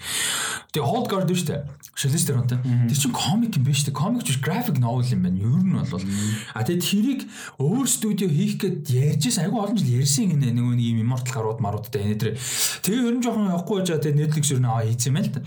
Тэгээдсэн чинь тэрнээс ямар сэдв ярьжсэн гэсэн чинь яг юм санаанд дайжгүй Тэг ингээд эвтэйхэн сонсоод оо гүр санаа гэмээр а гэтээ яг гүйцэтгэл дүүр хөгжилт юу гэдэг тэр нэг тийм янз бүр нь хамаагүй зүр санаа найтайхан болгонгууд газ ингээд аваад аваад аваад явчихад байна гэж яриад байгаа байхгүй.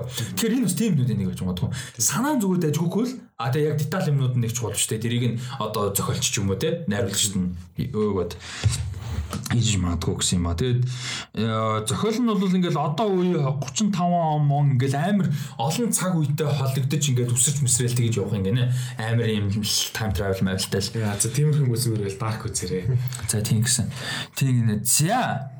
Окей. За яг энэ үед А тэгтээ эн чинь их what's the reveal in this?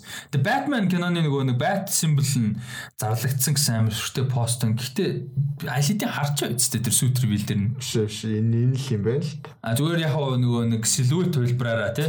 Яг цэвэр лого хэлбэраараа. Аа тэг хоёр хуруугаа дэше барьсан юм. За за за за. Яг жоохон slim хэлбэр. Манай фастиасан жоохон торхоо болохоор тий. Тий. Манай Бен Аффлек гэж бүр тий Гэтэ тэр нь ridiculous харагдаагүй те. Өөрөө бүр юм аврах байсан болохоор гоё байсан те. Тэр гэтээ бүр амар гоё Batman. Үнэхээр байраас Batman те бүр God damn тэр Batman-ийн Superman үзэх юм бол зүгээр Batman-ийн эсүүд нь үзэхэд л болно. Тэгэл бүр зүгээр хяддаг те бүр ингээ саваал саваал явж. Тэгээ тийм хүнтэй хүн харахаар ч удаа айн үстэй тийм танк шиг багаас ч тэр хан дээр гүдэг хэсэж бас амар те. What the fuck. Хин ухсаар амар хөдөлгөн мотой те Himmel Bruce Christian Bale-их гэдэг сүйд нь амар Сүйд нь тий. Тийм ингээд нөгөө гарын хөдөлгөөн муутай хүзүү бүр хөдөлгөө штэ. Харах юм бол ингээд дандаа нэг тоогоороо зодтолдог гар хөдөлгөөн муутай. Тэгээ нөгөө зөгч байгаа хүлүүгээ ингээд нөгөө биеэр хардаг хүзүү нь хөдөлдөг. Магар тийм ингээд амар нийтээ зэ хараарай зэ. Тэр ихтэй нэг анзаарч байгаа амар тэнийг Dark Knight Trilogy хүнтэй ярина штэ. Яг өөдөөс л харж яриаггүй бол ингээд амар weird нүдний позишнтэй зэвгэж байна. Нөгөө хүзүү бүтэн хөдөлгөө дандаа зэ. Яа жижиг юм л та. Ам За энэ тэгээд дараагийнх нь болохоор айгүй харамсалтай мэдээ байна. Миний хувьд ямар ч хэсэн та хоёр хэр үзчихсэн сайн мэдэхгүй байна. А Хасан Мин Хашийн Patriot Act гэд маш гоё ток шоу зурлал байсан бүр Миний all time favorite talk show-нд нэг бүр үнэхээр дасгал шоу байсан. Тэгээ энэ шоу бол цуцлагдж байгаа юм байна. Аа тэгээд дахиж бол гарахгүй болж байгаа юм байна. Тэгээд аа энэ бол амар харамсалтай юм. Тэгээ 30 аа 39 эпизод нийт гарсан 6 хуваагдаж гарсан. Би бол бүгдийг нь үзсэн. Бараг бүгдийн дор хаяж хоёр давтаж үзсэн баг. Миний all time favorite юмнуудын нэг Асан Мингашийн өөрийнх нь energy delivery тэр график нь тэр дэлгэцлээ. Тэгээд эвлүүлэх нь тэгээд мэдээж comedy нь тэгээд хүндж байгаа сэдвүүд нь тэр зориг нь тэр амар том хүнд сэдвүүдийг ямар ч айхгүйгээр шууд Сауди Араби MBS-ийг шүүмжилсэн ийм амар том шоугүй хин нэдэг бол асар том зориг. Тэгээд тэр бүхнийг бол давтагдчихгүй ийм амар гоо шоу байсан. Тэгээд цуцлагдсан айгүй харамсалтай. Гэхдээ нөгөө талаас а за нөгөө талч явахтай энэ шоу болвол Хасан минь хаашиг бүр глобал суперстар болгож бол авчиж чадсан. Тэгэхээр бас өөрөө ч гэсэн яг хөө нэг тийм цуцлагдсан нэг тийм амар нөгөө Конецко Менецко шиг энэ юм болж байгаа юм бол байхгүй. Илүү thankful байгаа нь харагдаж байна лээ. А тэгээд мань үнийг бол Global Superstar Superstar Comedian те talk show host болгож чадсан. Шоонч өөрөө үнэхээр мундаг байлаа. Тэгээд ийм шоу хийж болдсон байх гэдгийг харуулж чадсан. Одоо бол хаасан минаж дараагийн шоунууд дараагийн те ажлууд нь байхад бол мань хүн proven одоо тэр рекордтэй ийм мундаг одоо talk show host comedian болж ирж байгаа нь бол айгүй гоё байна. Тэгээд бас нэг юм харж байхад бол энэ нэг тийм санаа зөрөлдөөд мууталцаад тийм асуудалтай болвол одоо канселдагдаагүй юм шиг байлээ зүгээр харж байхад аа тэгээ маань хүн бол Netflix-тэй магадгүй одоо stand up special ч юм уу те хамтарч ажиллах байх магадлал бол байгаа байх. Тэгээд энэ шоу бол үнэхээр гоо. Тэгээд хэрвээ та хэд үзэж байгаа. Та хоёр үзчихсэн юм пэйж үү? Бүгд нь үз. Аа nice. Би эхний дэ ингэ. Тэгээд YouTube дээр бол бүгд байгаа. Бас давхар free байгаа шүү дээ. Тэгээд би үзээ болохоор шийдсэн. Яа тэгэхээр ер нь бол угаасаа хүн жоос сэдвүүд нь айгуу зөв чухал. А тэгтээ би үзээд хар ингээд тэрнээс бол стресс хийсэн баг. Аа. Надад бол ингээд би бүр тэр тусмаа судлаад бүр ингээ айгүй сонирхолтой байгаадсэн. Тэгээд би бол байн байн дахиж үзэх дуртай. Тий, одоо тэгээд ганц гоё юм тэгээ ирээдүйн юм да. Тийм. Хаасан мэн хаашийн одоо одоо юу л ирээдүйн маань хүн дөнгөж уус гарч ийн ямар амар энержитэй, ямар амар инээдтэй, дээрэс нь мундаг комедиантэй сэдв хөндөж чаддаг гэдэг нь харж байгаа. Дээрэс нь мань хүний нөгөө 17 он гарсан энэс өмнө гарсан юу Homecoming King гэдэг stand up special байгаа. Тэрийг үзээрэй гэж би зөвлөмөр. Та үзсэн үү? Homecoming King гэдэг ба. Тэрийг үзээрэй гэж үзсмээр энэ тэр бол Тэгээ би амьдралдаа тийм амар олон stand up үзчихээгүй л яг шудраг хэлээ тэр ер нь бол яг үзсэн гэхдээ тийм ангалтайш. Гэхдээ тэр миний амьдралдаа үзсэн бүр бүр ингээд үнэхээр хамгийн мундаг одоо юм stand up special-уудын нэг байсан л да би нэг 100-аад юм л үзсэн баг. Одоо нөө тус туснаа тэгээд. Тэгээд тэр яагаад гэхээр за инээд нь ойлгомжтой. Source commentary ойлгомжтой. А гэхдээ тэрэн дээр яг нөгөө нэг Pedro Jack шиг тэр дэлгэцийг ашиглаж байгаа. Тайцыг бүхлээр нь яаж ашиглаж байгаа. Мань хүн гүүгээл дээш шанаас яваа яаж гарч байгаа. Тэгээд story. Яг хоо ерөнхий том арга Dave Chappelle гэдэг юм хин бидний том мундаг stand up нөхдүүдийн stand up special-ууд тодорхой хэмжээний narrative байдаг шүү дээ. Нийгэмнээс эхлээд яваад нийгэм нөгөөдөгтэй холбогдоо байдаг. Окей fine. Гэхдээ бүр тийм амар кино шиг скрипт шиг бол байдаггүй шүү дээ. Ерөнхийдөө random рандом рандом ингээ явдаг. Энэ бол бүр юм бүр кино шиг заяа бүр амар бүтэн нэг цагийн кино удаж байгаа юм шиг.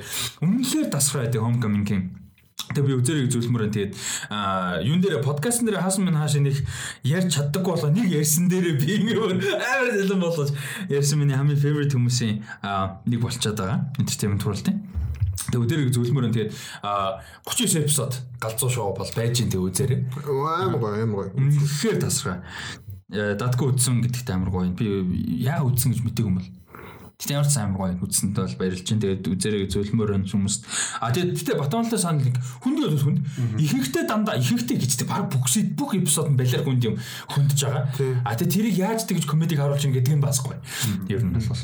Тин тэгээд амар гоё мэдээлэлтэй. Амар research нь гарцсан. заримдаа ингээд яг тэр хүмүүс нь өөрөө уулзаад юм яриа суугаад тэнгууд л өө шээ. А тэгээд нэг гоё юм digital exclusive гэдэг YouTube-ээр нөө эпизодуудын дараа нөгөө аудиенстайгаа яриа өрнүүлдэг.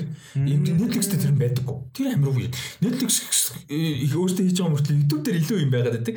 Тэрийг үзвэл бас айгүй гоё. Digital exclusive гэж байгаа. Эпизод болгон дээр а нөгөө нэг ирсэн хүмүүстэй тэднэр нь татаад бүр амар инээдтэй тэднэр бүр мань хүнийг толдлын амар инээдтэй тэр бүр амар гоё. Audience-ийг мань audience нь мань хүнийг бүр амар хийдэг. Тэр мөр амар гоё. Тэгээд тэр нөгөө нэг Southeast Asian, Indian тийм нөгөө нэг American хүмүүс байгаа шүү дээ. Нөгөө audience донд хүмүүс байдаг. Тэд нар нь бүр тэр жоокууд нь татаадаг зэ. Яг тэдний нэг тийм ертөнцийн жоокууд нь бүр амар гоё. Тэгээ тэр чинь нэг тийм Indian гаралтай хоёр couple байгаа байхгүй.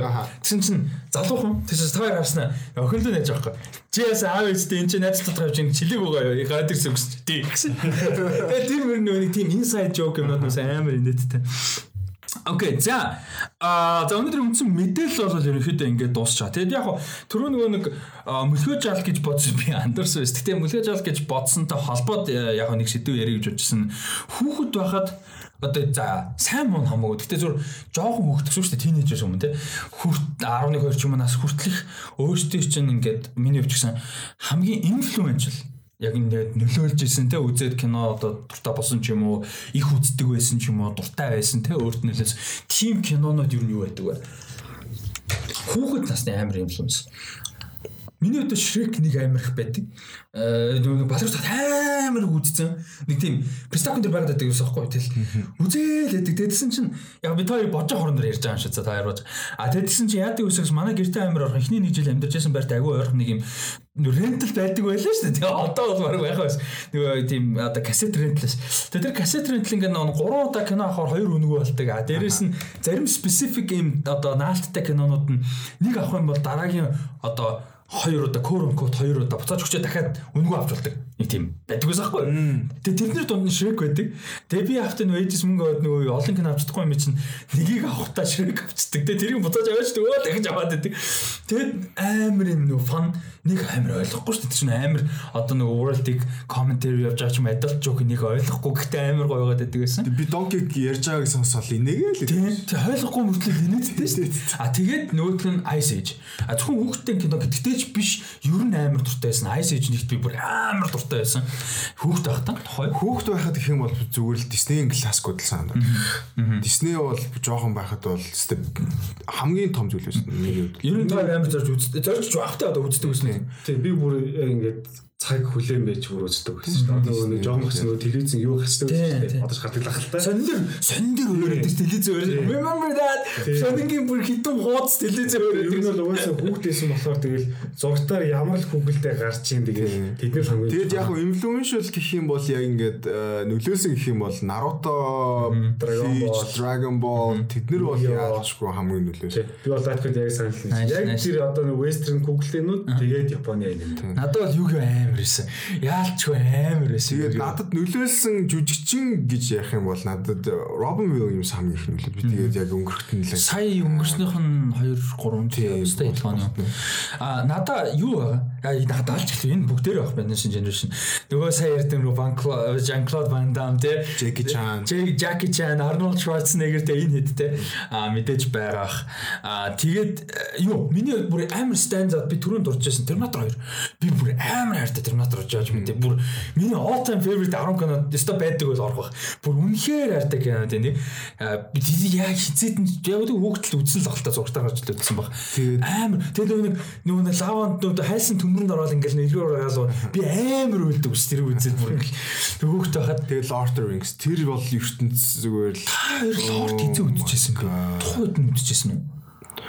За бараг 2000 оны ихэр л үзчихсэн. Би гэхдээ юу үзэж байхаагүй а Fellowship of the Ring-ийг анх үзэж байгаа. Би шууд а тийм үгүй Fellowship of the Ring үзчихсэн байна. Анарч. Би би Тийм. Амар ихт үзчихсэн. Би нилээ ихт үзчихсэн би тэгээд Just зүгээр л трансфер мэдүү надад зүгээр болж байгаа юм.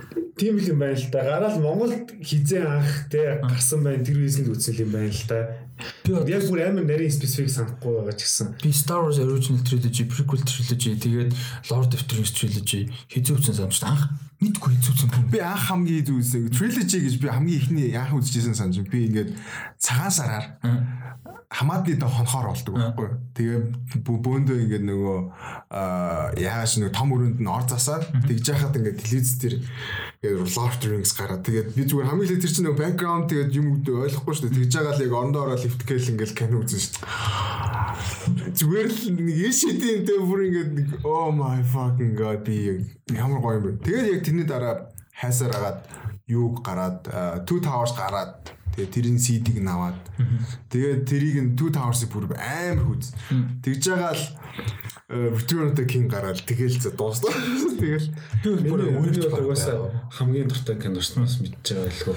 Тэгээд нөгөө маа нөгөө визлэшн тоглоом байдаг байсан болохоор ингээд амар чухал кино тэгээ бүр ингээд дахин дахин үзээлээ зэг ерөөсөө уддаг. Би бас амар их юу үздэг байсан. Brother Bear гэдэг хүүхэлтэй кино амар хүүхэлтэй Disney-ийн тэрийг үздэг. Тэгсэн мөртлөө биш өмнөлийн амар шин муутай. Тэгсэн амар хөөргөн тэрийг одоо ингэ хүүхдүүд үзүүлэх юм бол амар хөөрсөн. Би өөр юу Spirited Away амар гарч хол байсан юм байна. Spirited Away амар гардаг байсан. Би амар weirdlээ дуртай юм шүү дээ. Weirdlээ ч дайгаал үзээд байдаг байсан трейлер Michael Jackson. Бүр амар гардаг байсан. Амар их гардаг. Амар одоо ч үзсэн эффект нь амар зэтрэн чон мөнгөө болж урж байгаа.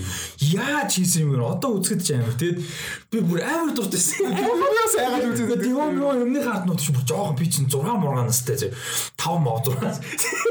Айгаал ингэ үзээлт өгдөг шүү дээ. Нэг юу картун нэтворк гардаг байсан. Гэхдээ тэрнээс өөр нэг Орс нэвтрүүлэг дээр өглөө 6-аас илүүтэй Fox Kids гэдээ гардаг байсан. Тэгээ тэрэн дээр X-Men гардаг.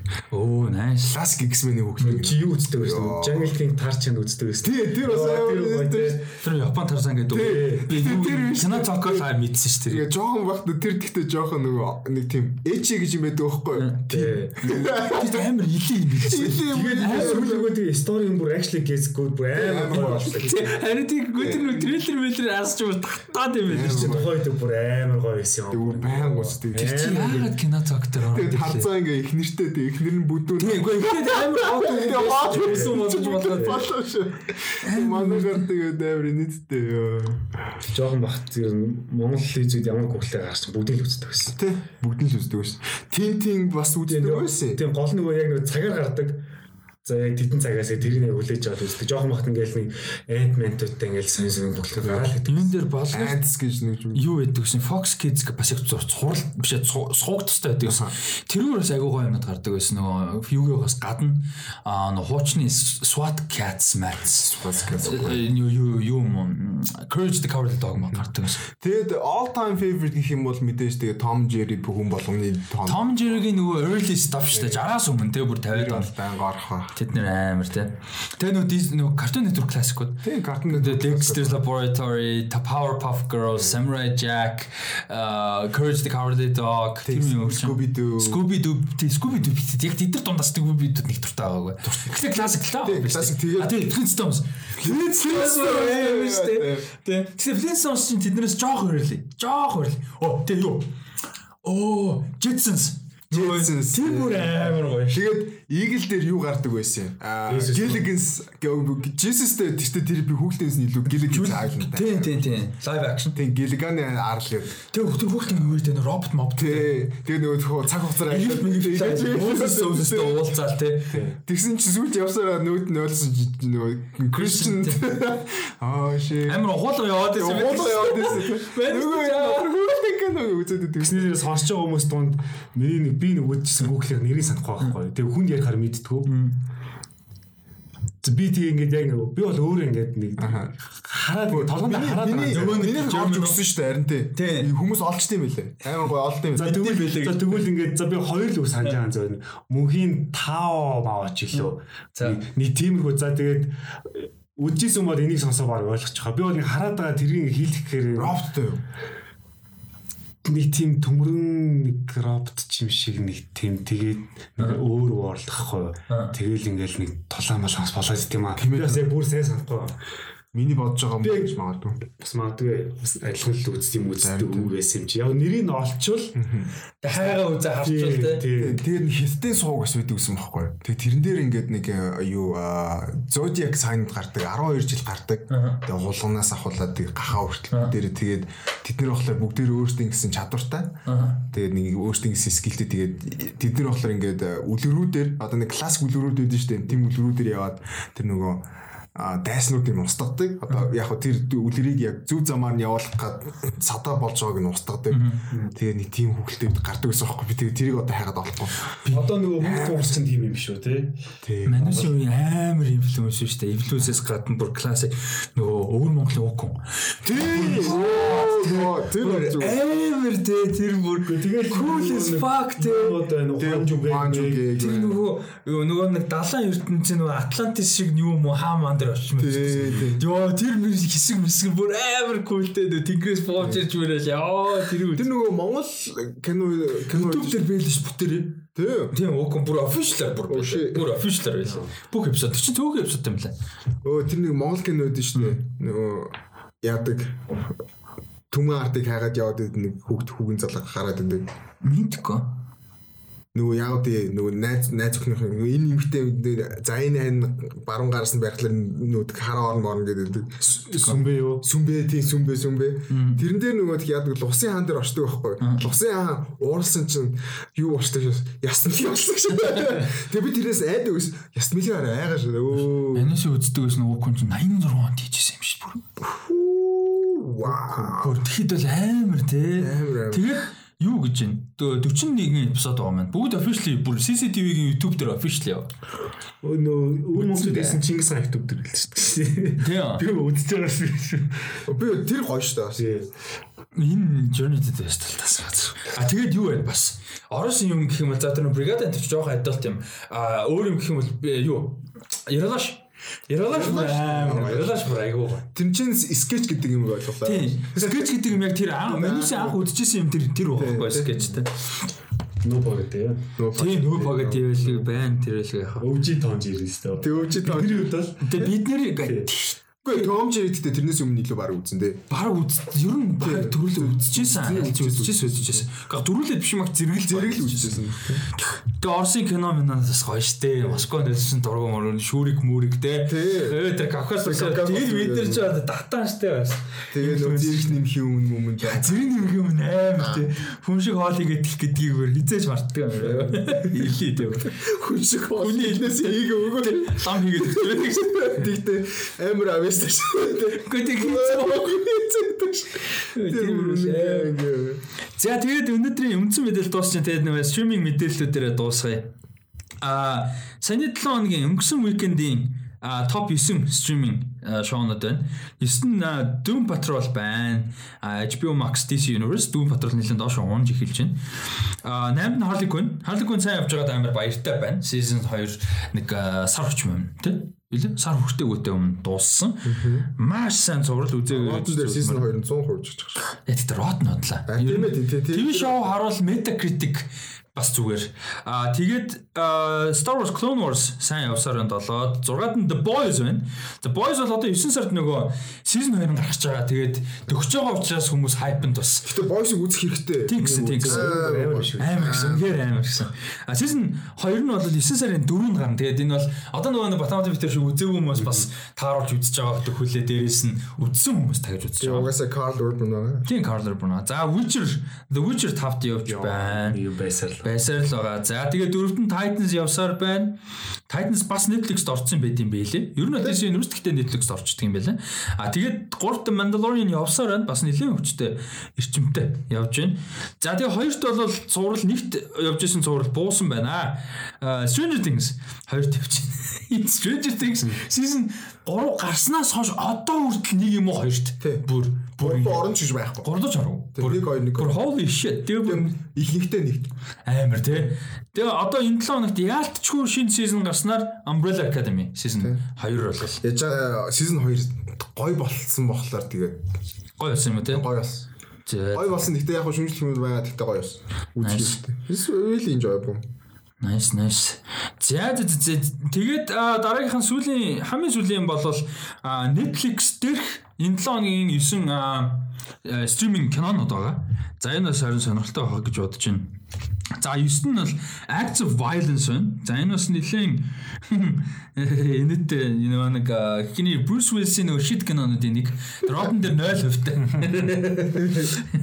Ийм байна. За тэгээд 8-нд We Summon the Darkness гэдэг нэртэй кино байна. Хин юм би буруу хараагүй хэн байх шиг байна те Александро Дадарио Дадарио байх шиг байна.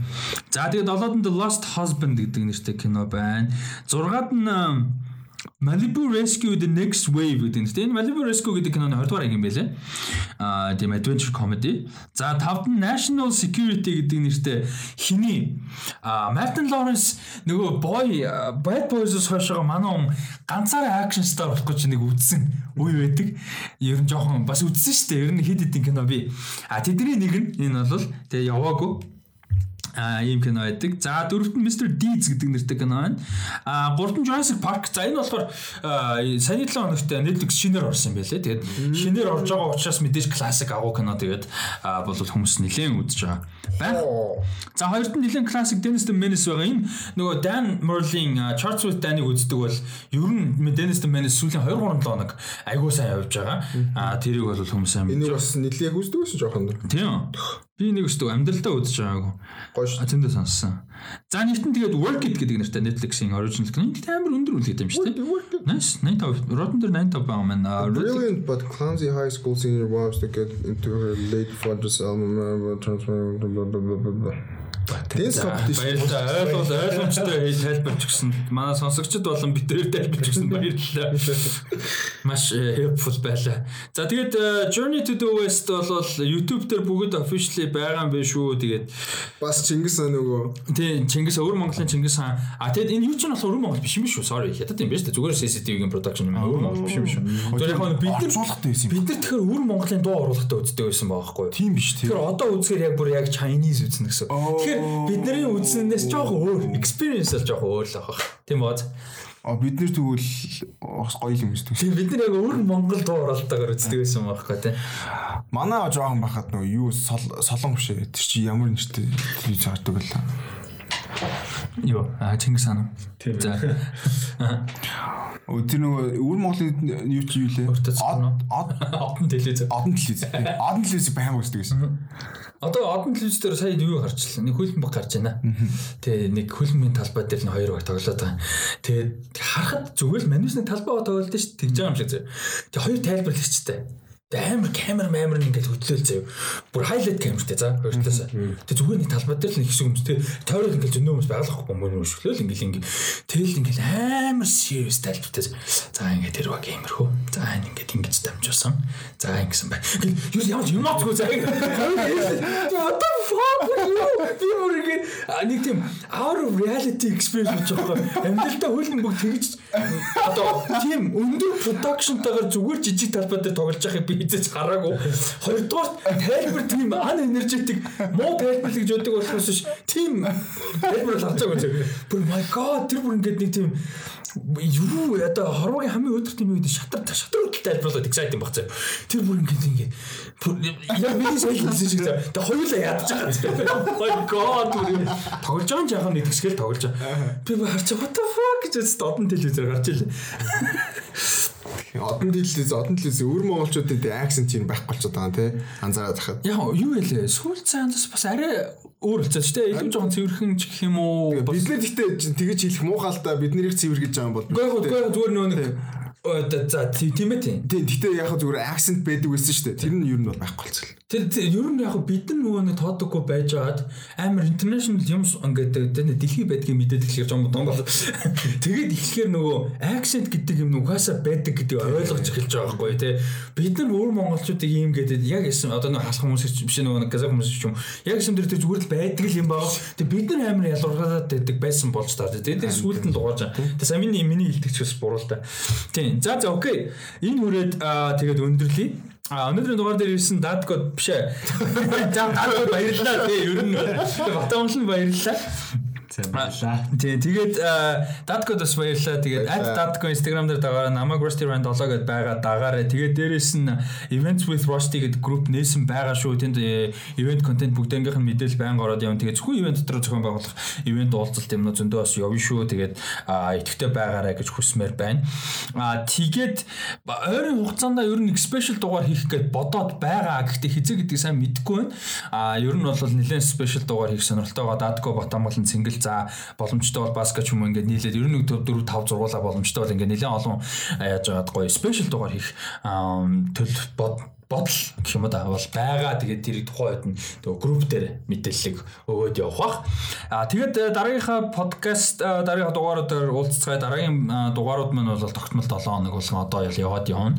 Аа саяны өнгөрсөн 7 хоногт бас манай гэр бүлд асуудал гарсан, ажил явдал гарсан учраас бас боломж байсангүй. Тэгээд дараа 7 хоногс ер нь бол доктортой явна. Тийм байна. За тэгээд дараагийнхаа контент ивент юмнуудаар уулзцай баяр та. Бай бай.